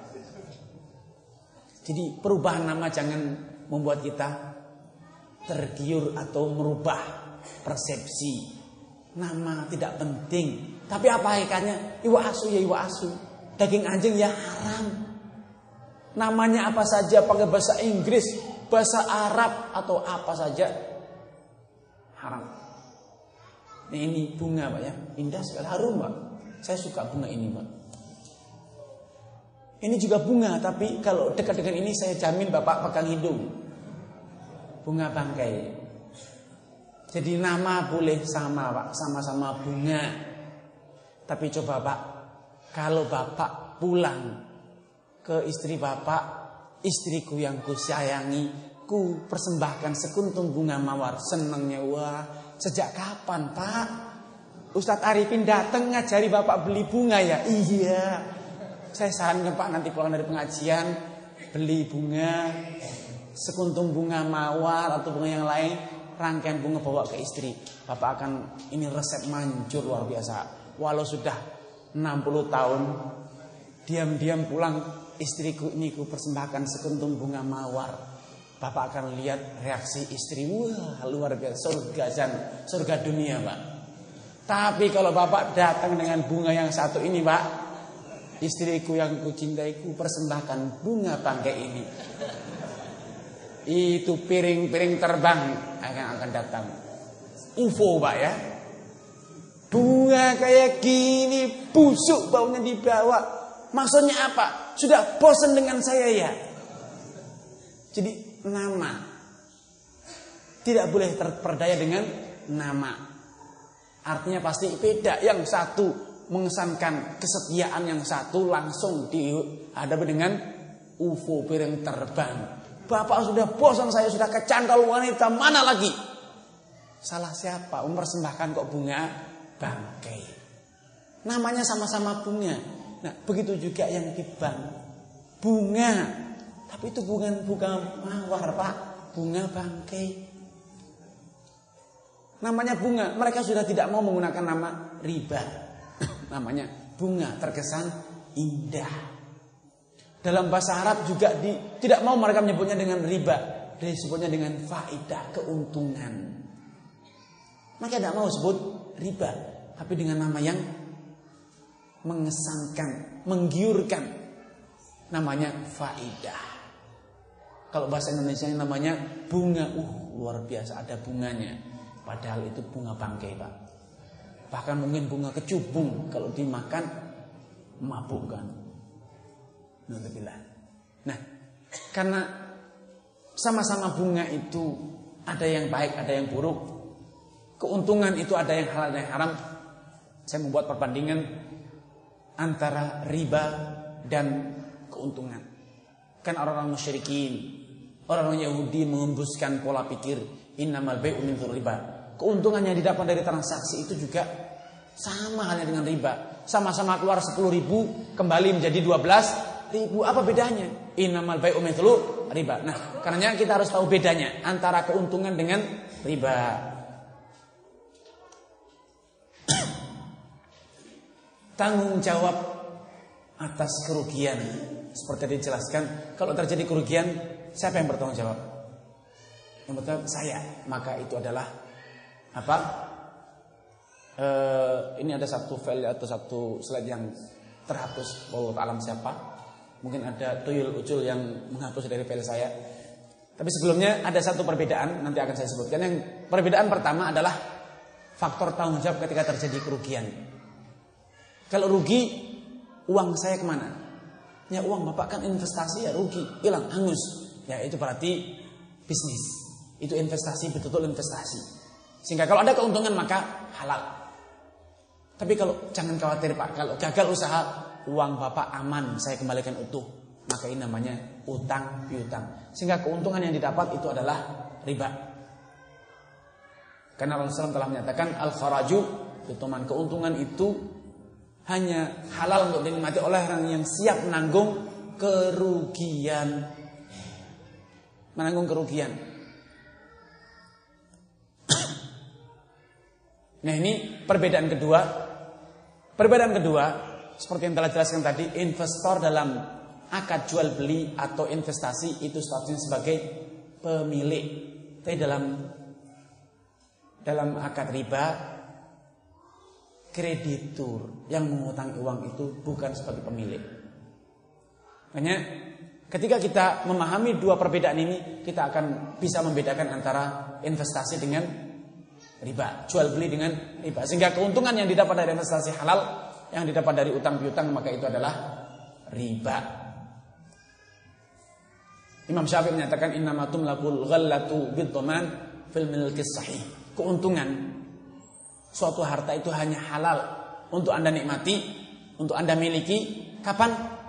Bila Anda bertanggung jawab atas kerugian Sebagai konsekuensi status Anda yang menjadi al-milki sahih sebagai pemilik yang sah atas suatu unit usaha. Karena ketika ada bagian marketing, lembaga-lembaga pembiayaan atau perbankan datang, Pak investasi Pak ini ada prospek yang menguntungkan. Mereka senantiasa menceritakan tentang prospek, tentang besarnya keuntungan yang akan diberikan. Namun dua hal ini barang haram untuk mereka bicarakan. Yaitu kalau rugi, kalau rugi apa tanggung jawab saya? Atau kalau mereka Pak, biar usahanya lebih lancar, kita beri investasi Pak. Kita siapkan investasi. Kita menggunakan skema mudorobah. Baik, Bapak kan usahanya bagus kalau dengan modal 5 juta saja untung seharinya sudah 300 ribu. Sebulan sudah mendapatkan 9 juta. Kalau Bapak nanti kita beri investasi 10 juta, Bapak akan keuntungannya 20 juta misalnya. Atau 5 juta sebulan. Bagus luar biasa Pak. Kami hanya ingin bagian dari keuntungannya 500 ribu saja Pak per bulan. Bapak mungkin, wah luar biasa ini memberi investasi besar tapi mendapatkan bagian keuntungan yang sedikit. Namun kalau Bapak ingin tahu siapa mereka sebenarnya, tanyakan dua hal ini. Kalau ternyata gagal usaha, ketika saya jualan ada truk nyasar, warung saya, masya Allah, saya tidak tega menceritakan pergi bersama truk. Sudah gitu truknya kabur. Atau malam-malam datang perampok. Dirampok saya. Ke mana tanggung jawab saya? Ya pak, ya kita mengucapkan innalillahi wa inna rajiun yang panjang pak. Terus ya modalnya kembali pak. Itu kan uangnya nasabah pak, bukan uang kami. Kami hanya mengantarkan saja. Jadi harus dikembalikan utuh. Ya. Maka ini adalah utang piutang. Baik, kalau mereka datang lagi, Pak, saya invest Pak ya di perusahaan Bapak, saya kelontorkan 100 juta. Ya Pak, enggak masalah. Akad perjanjiannya kita datang ke notaris, kita buat akad perjanjian demikian Pak ya. 50% kepemilikan perusahaan ini milik saya dan 50% sahamnya adalah milik bank. Jangan Jangan pakai nama saham, tapi investasi saja yang harus dikembalikan dalam sekian tahun. Tapi kalau sampai dituliskan saham, bank kami akan ditutup. Kok gitu? Karena bank tidak boleh memiliki saham. Ya berarti ini bukan investasi Pak. Kok kalau investasi Bapak tidak mau sahamnya? Tidak mau. Tapi bagaimana? Yang penting modal saya kembali, Bapak memberikan keuntungan yang sudah dari pertama kita buat asumsinya, prediksinya 5% dari mana? Dari angka-angka yang mereka rekayasa plus kemudian akhirnya nanti akan dikalikan dengan nominal modal. Bukan nominal keuntungan real. Ini adalah akal-akalan semata. Tapi bagaikan orang yang kawi USA Kuai USA. Daging. Terkenal hebat namanya keren. Ini menu Amerika. Padahal tidak demikian. Mereka datang lewat belakang. Makanya orang yang tahu oh lewat pintu belakang toh. Iya kalau lewat pintu belakang dibaca menjadi iwa langsung jelas sekarang. Karena dua hal ini status kepemilikan dan tanggung jawab e, kerugian para investor yang berkedok dengan mudoroba itu mereka cuci tangan sama sekali tidak mau tanggung jawab dan pembagian keuntungannya pun tidak gentle bukan berdasarkan keuntungan real tapi berdasarkan asumsi saya berasumsi bapak itu akan punya keuntungan 10 juta per bulan maka saya cukup 30% dari asumsi yang telah saya buat.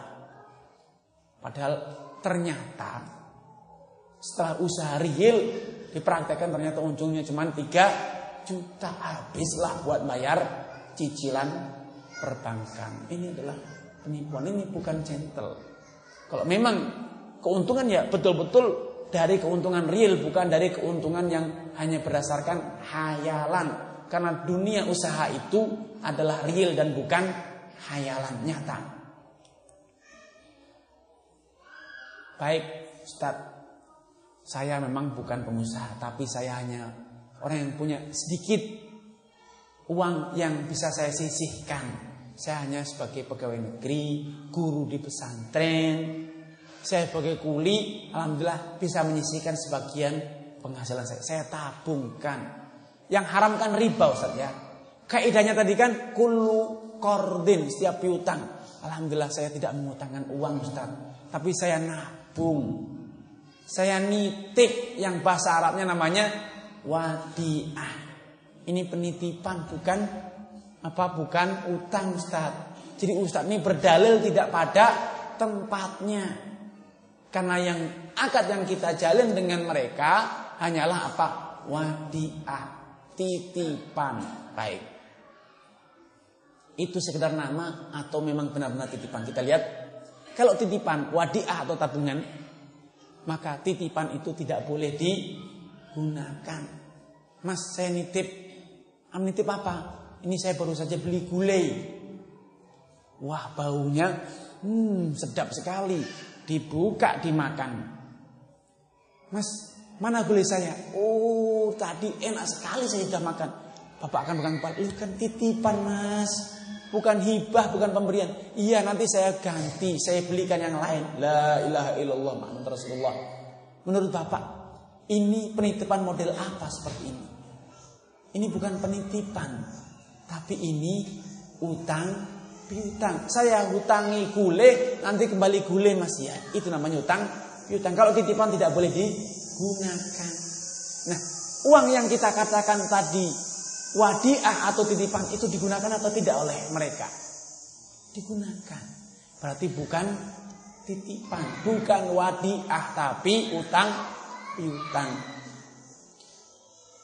Boleh? Kemudian perbedaan kedua, status kepemilikan. Seperti tadi. Ketika kita nitip itu barang siapa?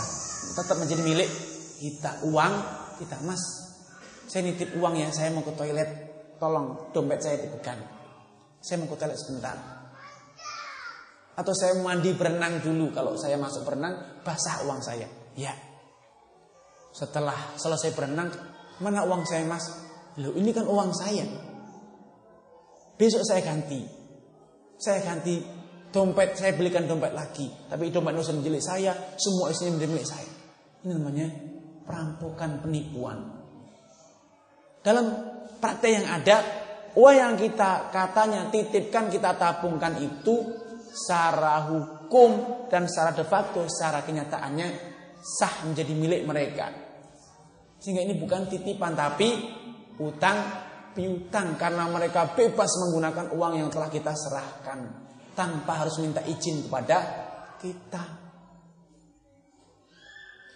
Kemudian dalam titipan kalau kita menitip ayam, Mas tolong ini ayam saya dikasih pakan ya titip saya mau safar sebentar bertelur.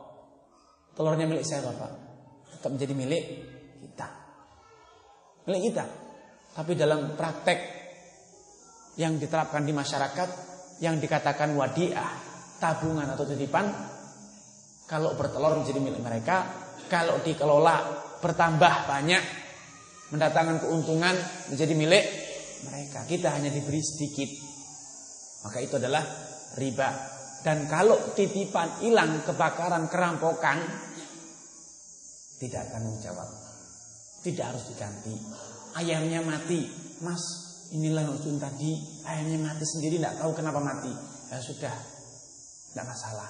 Tapi kalau di piutang dan ini yang terjadi di masyarakat yang dipraktekkan apa? Saya tidak peduli. Saya nasabah. Uang saya harus kembali utuh. Maka saat ini yang terjadi antara kita dengan mereka adalah apa? Akad utang piutang dan bukan akad tabungan atau wadiah. Baik mereka menggunakan namanya mudorobah. Bukan utang Ustaz. Skema yang dipakai pakai skema mudharabah. Baik, kita akan lihat hukum-hukum mudharabah dengan hukum utang piutang. Dalam utang piutang, unit usaha secara sah menjadi milik debitur yang berhutang 100%. Namun dalam mudharabah usaha menjadi milik pemodal. Nah, Anda yang berinvestasi melalui perbankan syariah misalnya, apakah Anda sebagai pemilik unit usaha yang dibiayai oleh mereka dengan uang Anda? Tidak. Anda hanya menerima buku tabungan saja. Keuntungan dalam piutang sepenuhnya milik debitur. Tapi dalam mudharabah disesuaikan dengan perjanjian. Ada bagi hasil. Nah dalam praktek yang terjadi yang dibagi bukan keuntungannya tapi pokoknya. Kenapa? 5% dari modal. 5% dari angka sekian sekian sekian sekian yang kemudian akhirnya ujung-ujungnya dikalikan dengan modal. Yang nanti ketemunya juga 6% atau 7% dari modal seperti yang terjadi di perbankan konvensional. Dana kembali utuh kalau dalam utang piutang tidak peduli untung rugi ditipu hilang tidak ada bedanya harus kembali utuh.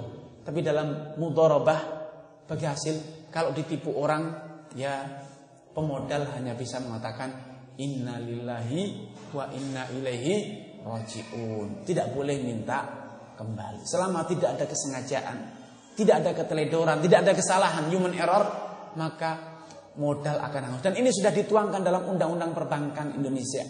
Dalam Undang-Undang Perbankan Syariat dituangkan suatu ayat, suatu uh, hukum yang menyatakan bahwa investor dalam hal ini perbankan syariat bila menggelontorkan pembiayaan melalui skema mudorobah dan ternyata gagal mereka tidak boleh meminta kembali dananya hangus kerugian sepenuhnya ditanggung oleh sahibul mal atau investor. Tapi prakteknya tidak demikian. Semoga mereka sadar, semoga mereka eh, patuh pada hukum hingga enak sekali Pak. Kita bisa usaha tanpa modal.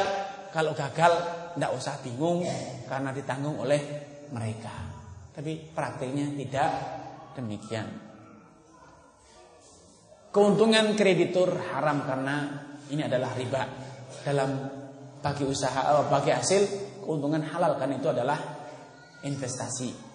Debitur paylet wajib ditangguhkan kalau berutang. Tapi kalau dalam apa namanya bagi hasil paylet gagal usaha ya sudah mau diteruskan dengan sisa modal yang ada atau dihentikan ya sesuai dengan kesepakatan bebas penggunaan dalam utang piutang, tapi dalam bagi hasil tidak, harus sesuai dengan perjanjian. Bagi hasil dalam apa ini? Kita jual beli sarung, sudah, hanya boleh digunakan untuk usaha di bidang sarung. Jadi kalau utang ya terserah saya mau buat makan atau buat investasi, buat usaha, beli rumah, beli kendaraan, terserah saya. Kemudian kerugian usaha 100% ditanggung oleh debitur sedangkan dalam mudharabah kerugian usaha ditanggung sepenuhnya oleh pemodal sahibul mal investor. Sehingga jelas dari sini praktek mudharabah yang ada di masyarakat itu sejatinya bukan mudharabah tapi adalah utang piutang yang mendatangkan keuntungan. Baik. Terakhir, kemungkinan terakhir bukan bagi hasil tapi upah sudah mereka sebagai karyawan. Kita akan dapatkan ternyata juga tidak tepat kalau dikatakan upah.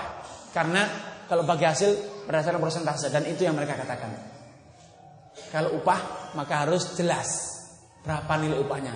Jalan tidak jalan, kerja tidak kerja akan mendapatkan upah yang pasti. Status mudharib pelaku usaha satu adalah partner bukan sebagai karyawan sehingga dia punya wewenang untuk menentukan kebijaksanaan. Tapi kalau karyawan hanya sebagai pelaksana. Bagi hasil dalam mudharabah hasilnya tidak tentu.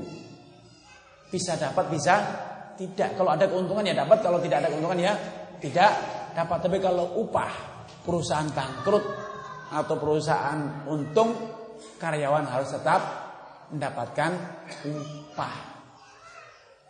Bagi hasil itu hanya terjadi kapan? Kalau benar-benar terjadi ada keuntungan yang nyata. Walau hanya sedikit harus dibagi sesuai dengan perjanjian. Tapi kalau upah tidak ada kaitannya dengan untung. Perusahaan gulung tikar pun karyawan harus tetap digaji sesuai dengan perjanjian. Kalau tidak dikaji sesuai perjanjian, silakan gugat ke pengadilan. Yang terakhir bagi hasil fluktuatif, naik turun sesuai dengan keuntungan real yang didapat. Tapi kalau upah stabil, walau perusahaan untung triliunan rupiah, gajinya kita sepakati 10 juta ya ila yaumil kiamah 10 juta. Kecuali kalau pemilik apa namanya rela memberi bonus, insentif, THR atau yang supaya itu adalah kebijaksanaan pemilik terserah tapi tidak harus. Contoh praktek riba yang banyak di masyarakat, gade sawah. Menggade sawah selama belum bayar utang sawahnya digarap oleh kreditur yang mengutangi. Hasilnya diambil, ini adalah praktek riba. Kenapa? Karena pemberi piutang mendapatkan keuntungan. Bisa menggarap sawah. Hasilnya diambil sendiri atau diambil sebagian. Ini adalah praktek riba. Karena Nabi telah mengatakan ar-rahnu min rahinihi lahu ghunmuhu wa alaihi ghurmuhu. Barang gade hubungannya dengan yang menggadaikan itu tidak pernah ada yang berubah. Seperti itulah hukumnya. Dia sebagai pemilik, maka dia yang berhak mendapatkan manfaatnya dan juga dia yang harus menanggung kerugiannya. Sedangkan Pihak kreditur itu tidak berhak menggunakan sawah ini kecuali dengan sewa. Tidak masalah, silahkan sewa. Atau kalau tidak sewa ya dipotong dari piutangnya. Ini panennya sekian. Satu ton. Nilai satu ton 10 juta. Berarti piutang Anda susut 10 juta. Berkurang berkurang sampai akhirnya nanti lunas. Ini namanya jual beli atau sewa menyewa halal. Tapi kalau piutangnya stagnan tetap 100 juta 100 juta. Walau saya panen 10 ton yang nilainya 100 juta ya tetap utangnya utuh tidak berkurang sedikit pun. Ini namanya praktek riba. Nah untuk bulan ini merajalela di masyarakat. Rasul menyatakan la yughlaqu rahnu ar-rahnu min sahibih alladhi rahanahu lahu ghunmuhu wa alaihi ghurmuhu untungnya, manfaatnya, kegunaannya, hasilnya harus dimiliki, diserahkan kepada siapa? Kepada yang menggadaikan. Karena ini adalah harta dia, ini barangnya, ini adalah sawahnya. Sedangkan kita hanya apa? Sebagai kreditur, kita hanya ingin mendapatkan jaminan, kepastian bahwa uang saya akan kembali, tidak ditipu, dia tidak akan lari atau menunda-nunda. Agar tidak menunda-nunda, maka ada jaminan sehingga ketika jatuh tempo dia tidak mau membayar, saya akan jual sawah ini. Dari hasil penjualan sawah, kita ambil utang kita, uang kita, sisanya kita kembalikan. Tidak ada kata hangus dalam gadai. Berkebun, berkebun itu kan enak ya, indah seperti ini. Berkebun bunga, luar biasa. Tapi kalau ini yang dikebunkan, Bagaimana jadi bunganya Pak? Jadi bunganya adalah bunga riba. Caranya bagaimana? Kita datang ke salah seorang yang punya ladang emas, kebun emas. Kalau ada kebun emas beneran Pak, perampok sana nggak usah nggak usah nyopet, nggak usah nyuri. Kebunnya ladangnya luas, tinggal ambil emasnya. Tapi kan bukan seperti itu maksudnya kebun emas. Kebun emas itu kita datang ke toko atau ke siapa saja. Nih, saya beli emas satu kilo. Nilainya berapa? Nilainya 100 juta. Baik, 100 juta ini uangnya. Baik, setelah beli emasnya masa saya bawa pulang. Enggak, saya tidak punya kebunnya. Biarkan di sini lagi emasnya. Agar nanti saya kebunkan saya sirami emasnya. Nanti setelah tiga bulan kita lihat sudah berbunga atau belum. Bagaimana caranya? Kan tadi Anda sudah punya uang emas satu kilo kan? saya beli lagi emasnya. Sehingga ada selisih harga. Oh, berarti Anda untung 5 juta karena ada selisih. Nih, 5 juta. Emasnya biar di sini saja ya.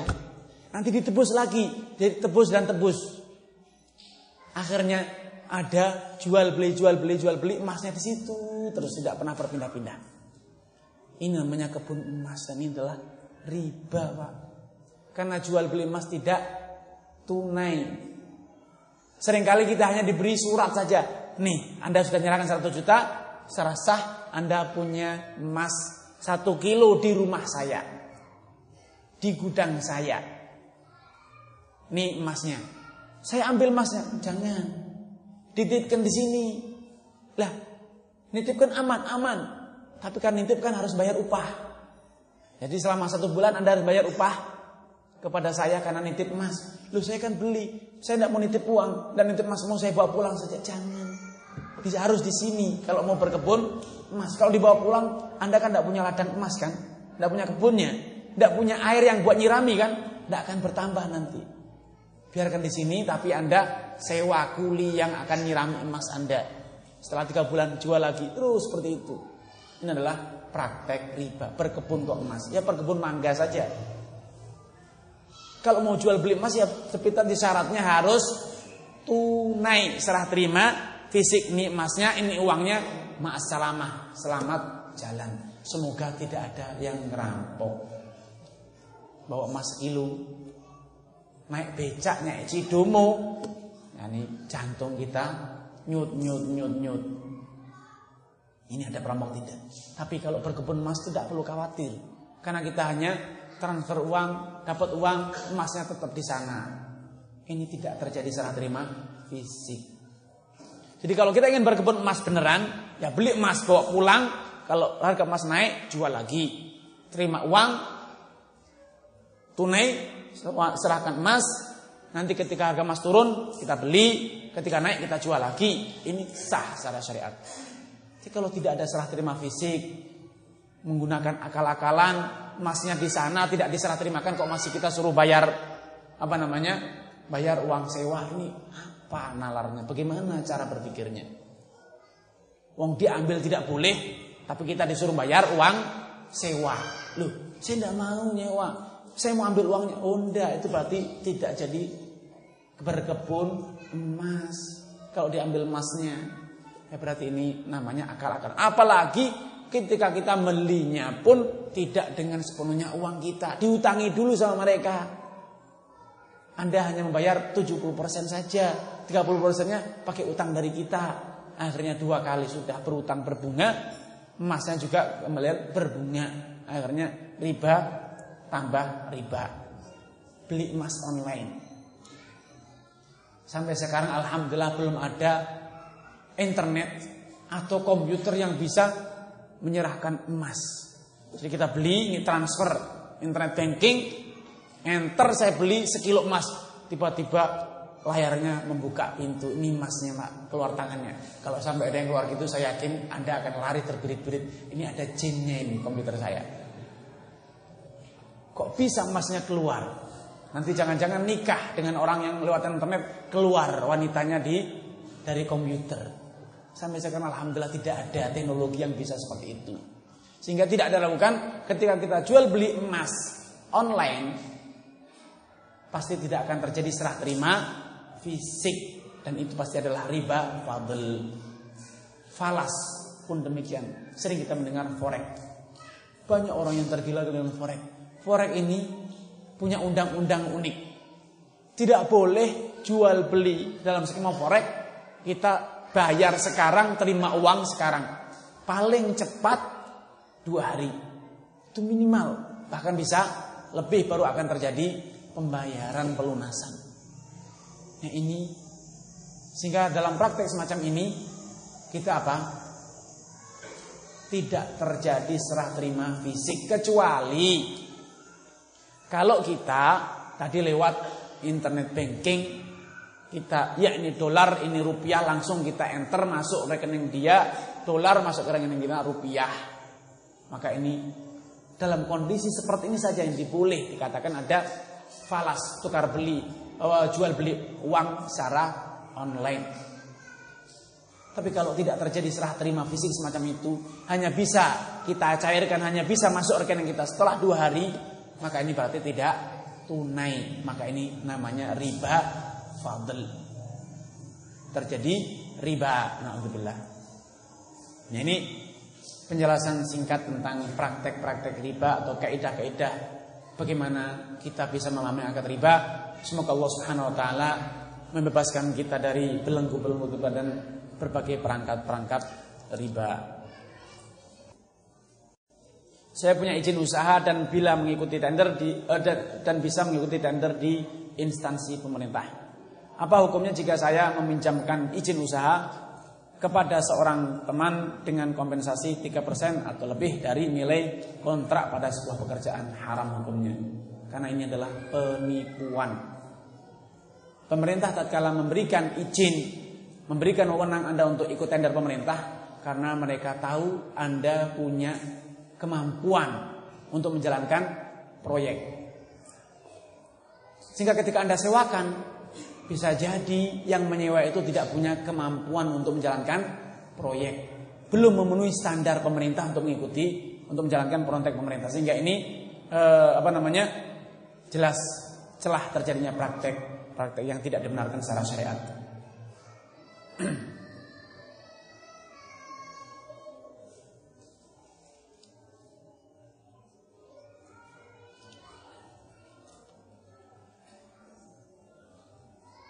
Saya pernah mendengar salah satu tokoh agama menyampaikan bahwa emas atau perak tidak boleh dihutangkan dengan alasan ini adalah riba.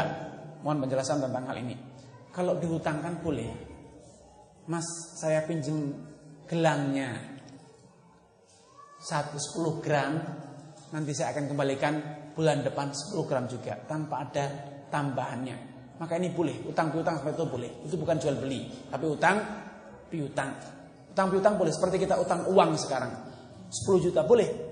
Tapi kalau jual beli, saya beli emasnya dengan emas yang saya miliki, besok baru saya serahkan.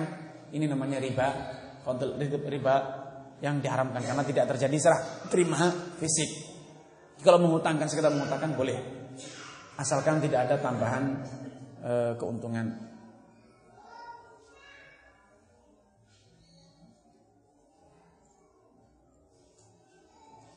Saya seorang PNS kadang-kadang ada teman-teman kantor yang memesan barang jualan saya dan saya bawakan besok harinya bolehkah dan saya tidak pernah mempromosikan barang jualan saya.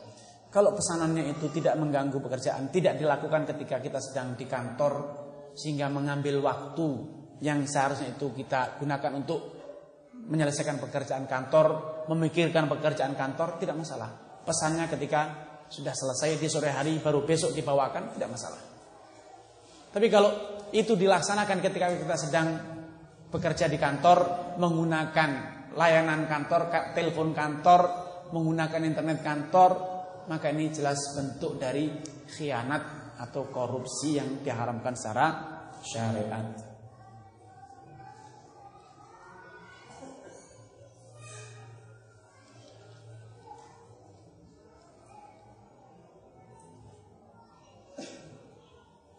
Sekelompok orang melakukan arisan setiap bulan dilakukan undian atau lot. Bila si A mendapat uang arisan setelah diundi, maka si A berkewajiban mengumpulkan kelompok arisan tersebut dan diberi makan. Dan ini dilakukan secara rutin. Riba ini betul?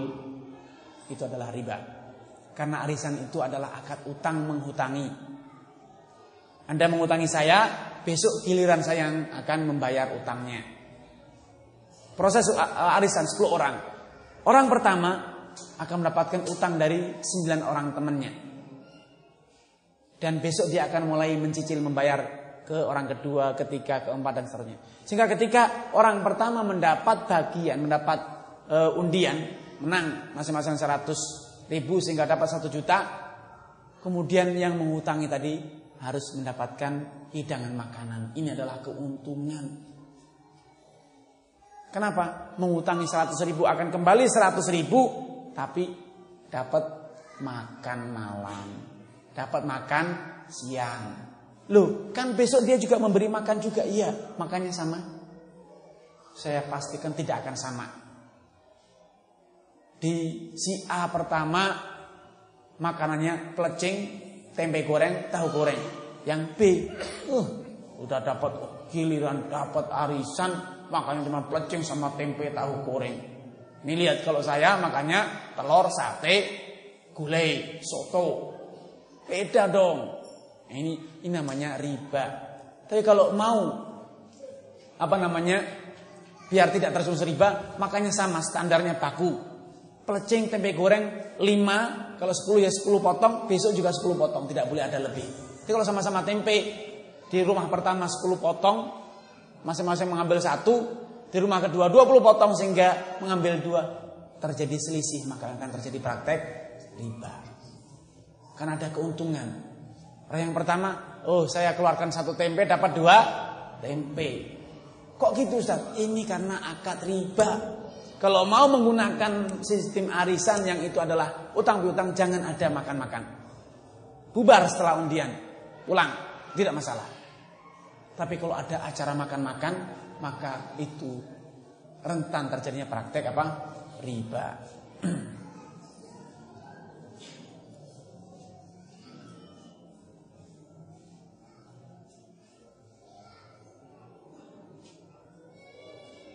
Saya punya hutang di bank dengan jaminan sawah. Pertanyaannya, bagaimana caranya biar bisa keluar di bank, biar jaminan tetap? Karena saya dapat uang sesuai dengan harga tanah yang saya jaminkan. Gampang sekali, dilunasi Pak.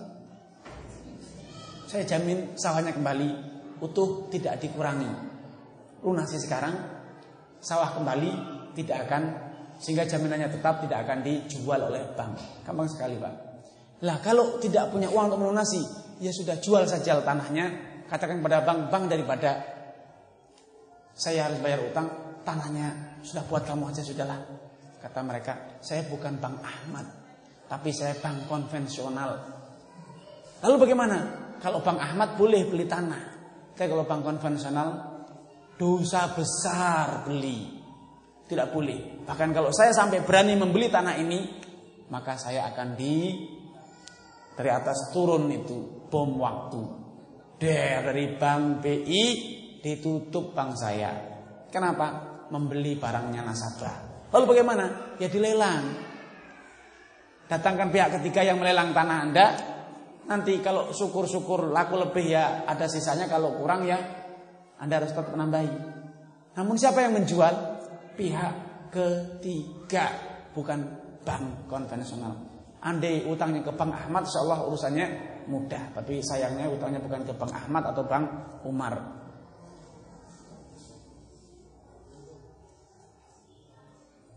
Saya beli sepeda motor pada teman dengan harga 8 juta, namun uang saya 6 juta setengah.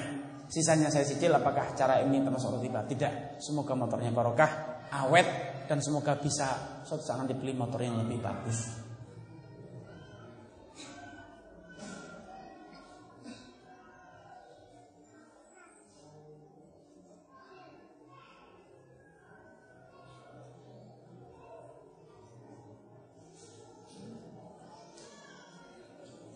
Saya dikasih proyek tapi setelah proyek selesai saya berjanji akan mengasih uang berapa yang saya inginkan tidak ada perjanjian berapa rupiah yang akan diberikan tapi seikhlas saya sendiri apakah praktek ini termasuk riba.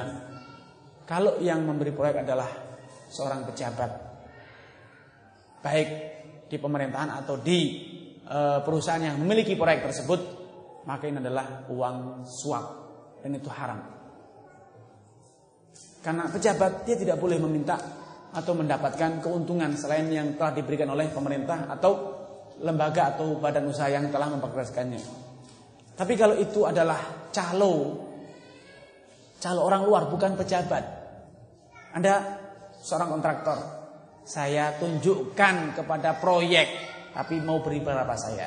Saya harus diupahi karena saya menunjukkan, saya mencarikan. Ini boleh, namun nominalnya harus jelas. Tidak boleh seikhlasnya. Karena kalau seikhlasnya nanti saya kira teman baik. Seikhlasnya itu 10 juta minimal. Ternyata seikhlasnya cuma 10 ribu.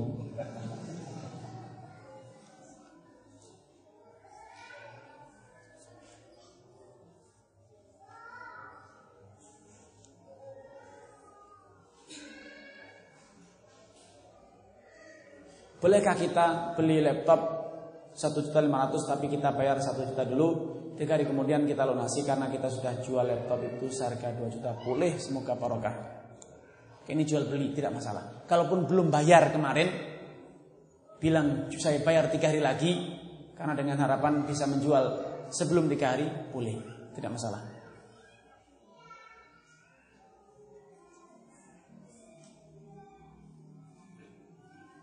Anak punya sapi satu ekor dititip kepada seseorang dengan perjanjian kalau punya anak, anak pertama di, menjadi milik tukang angon. Kalau anak beranak lagi, yang kedua menjadi milik anak, anak ketiga jadi milik tukang angon, begitu seterusnya. Bolehkah atau riba? Ini salah satu uh, apa namanya bentuk kerjasama yang sebenarnya dibolehkan, namun perlu dibenahi dalam bentuk model pembagian keuntungan. Berapapun anaknya dibagi dua. Anak pertama yang dibagi dua dijual separuh untuk pemilik, separuh untuk yang angon. Tapi kalau anak pertama milik yang angon, yang kedua kalau tidak lahir, sapinya ternyata mati. Atau telat sekali, yang punya yang pertama baru setahun sudah lahir, yang kedua lima tahun tidak lahir-lahir. Bagaimana? Atau anak pertama kembar. Yang kedua hanya satu dan itu pun cacat. Bagaimana? Ini adalah gharar seperti ini. Jadi dibenahi sedikit saja akadnya. Setiap yang terlahirkan dari uh, hewan ini maka itu milik berdua. Bagaimana? Kalau dipelihara ya milik berdua, langsung dijual juga milik berdua. Nah, dengan cara seperti ini maka perjanjian itu sesuai dengan syariat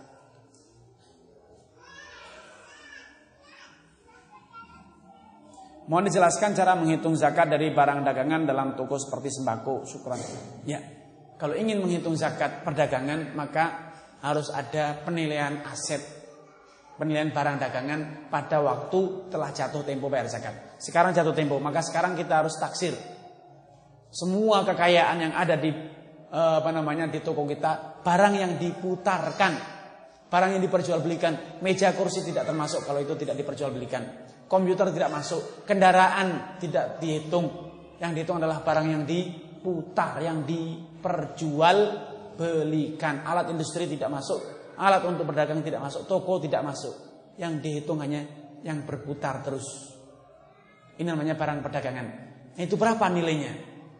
Ditambahkan dengan uang yang ada di tabungan kita, di laci kita, di bawah bantal kita, di total keluarkan dua setengah persennya, itulah zakat yang harus kita keluarkan.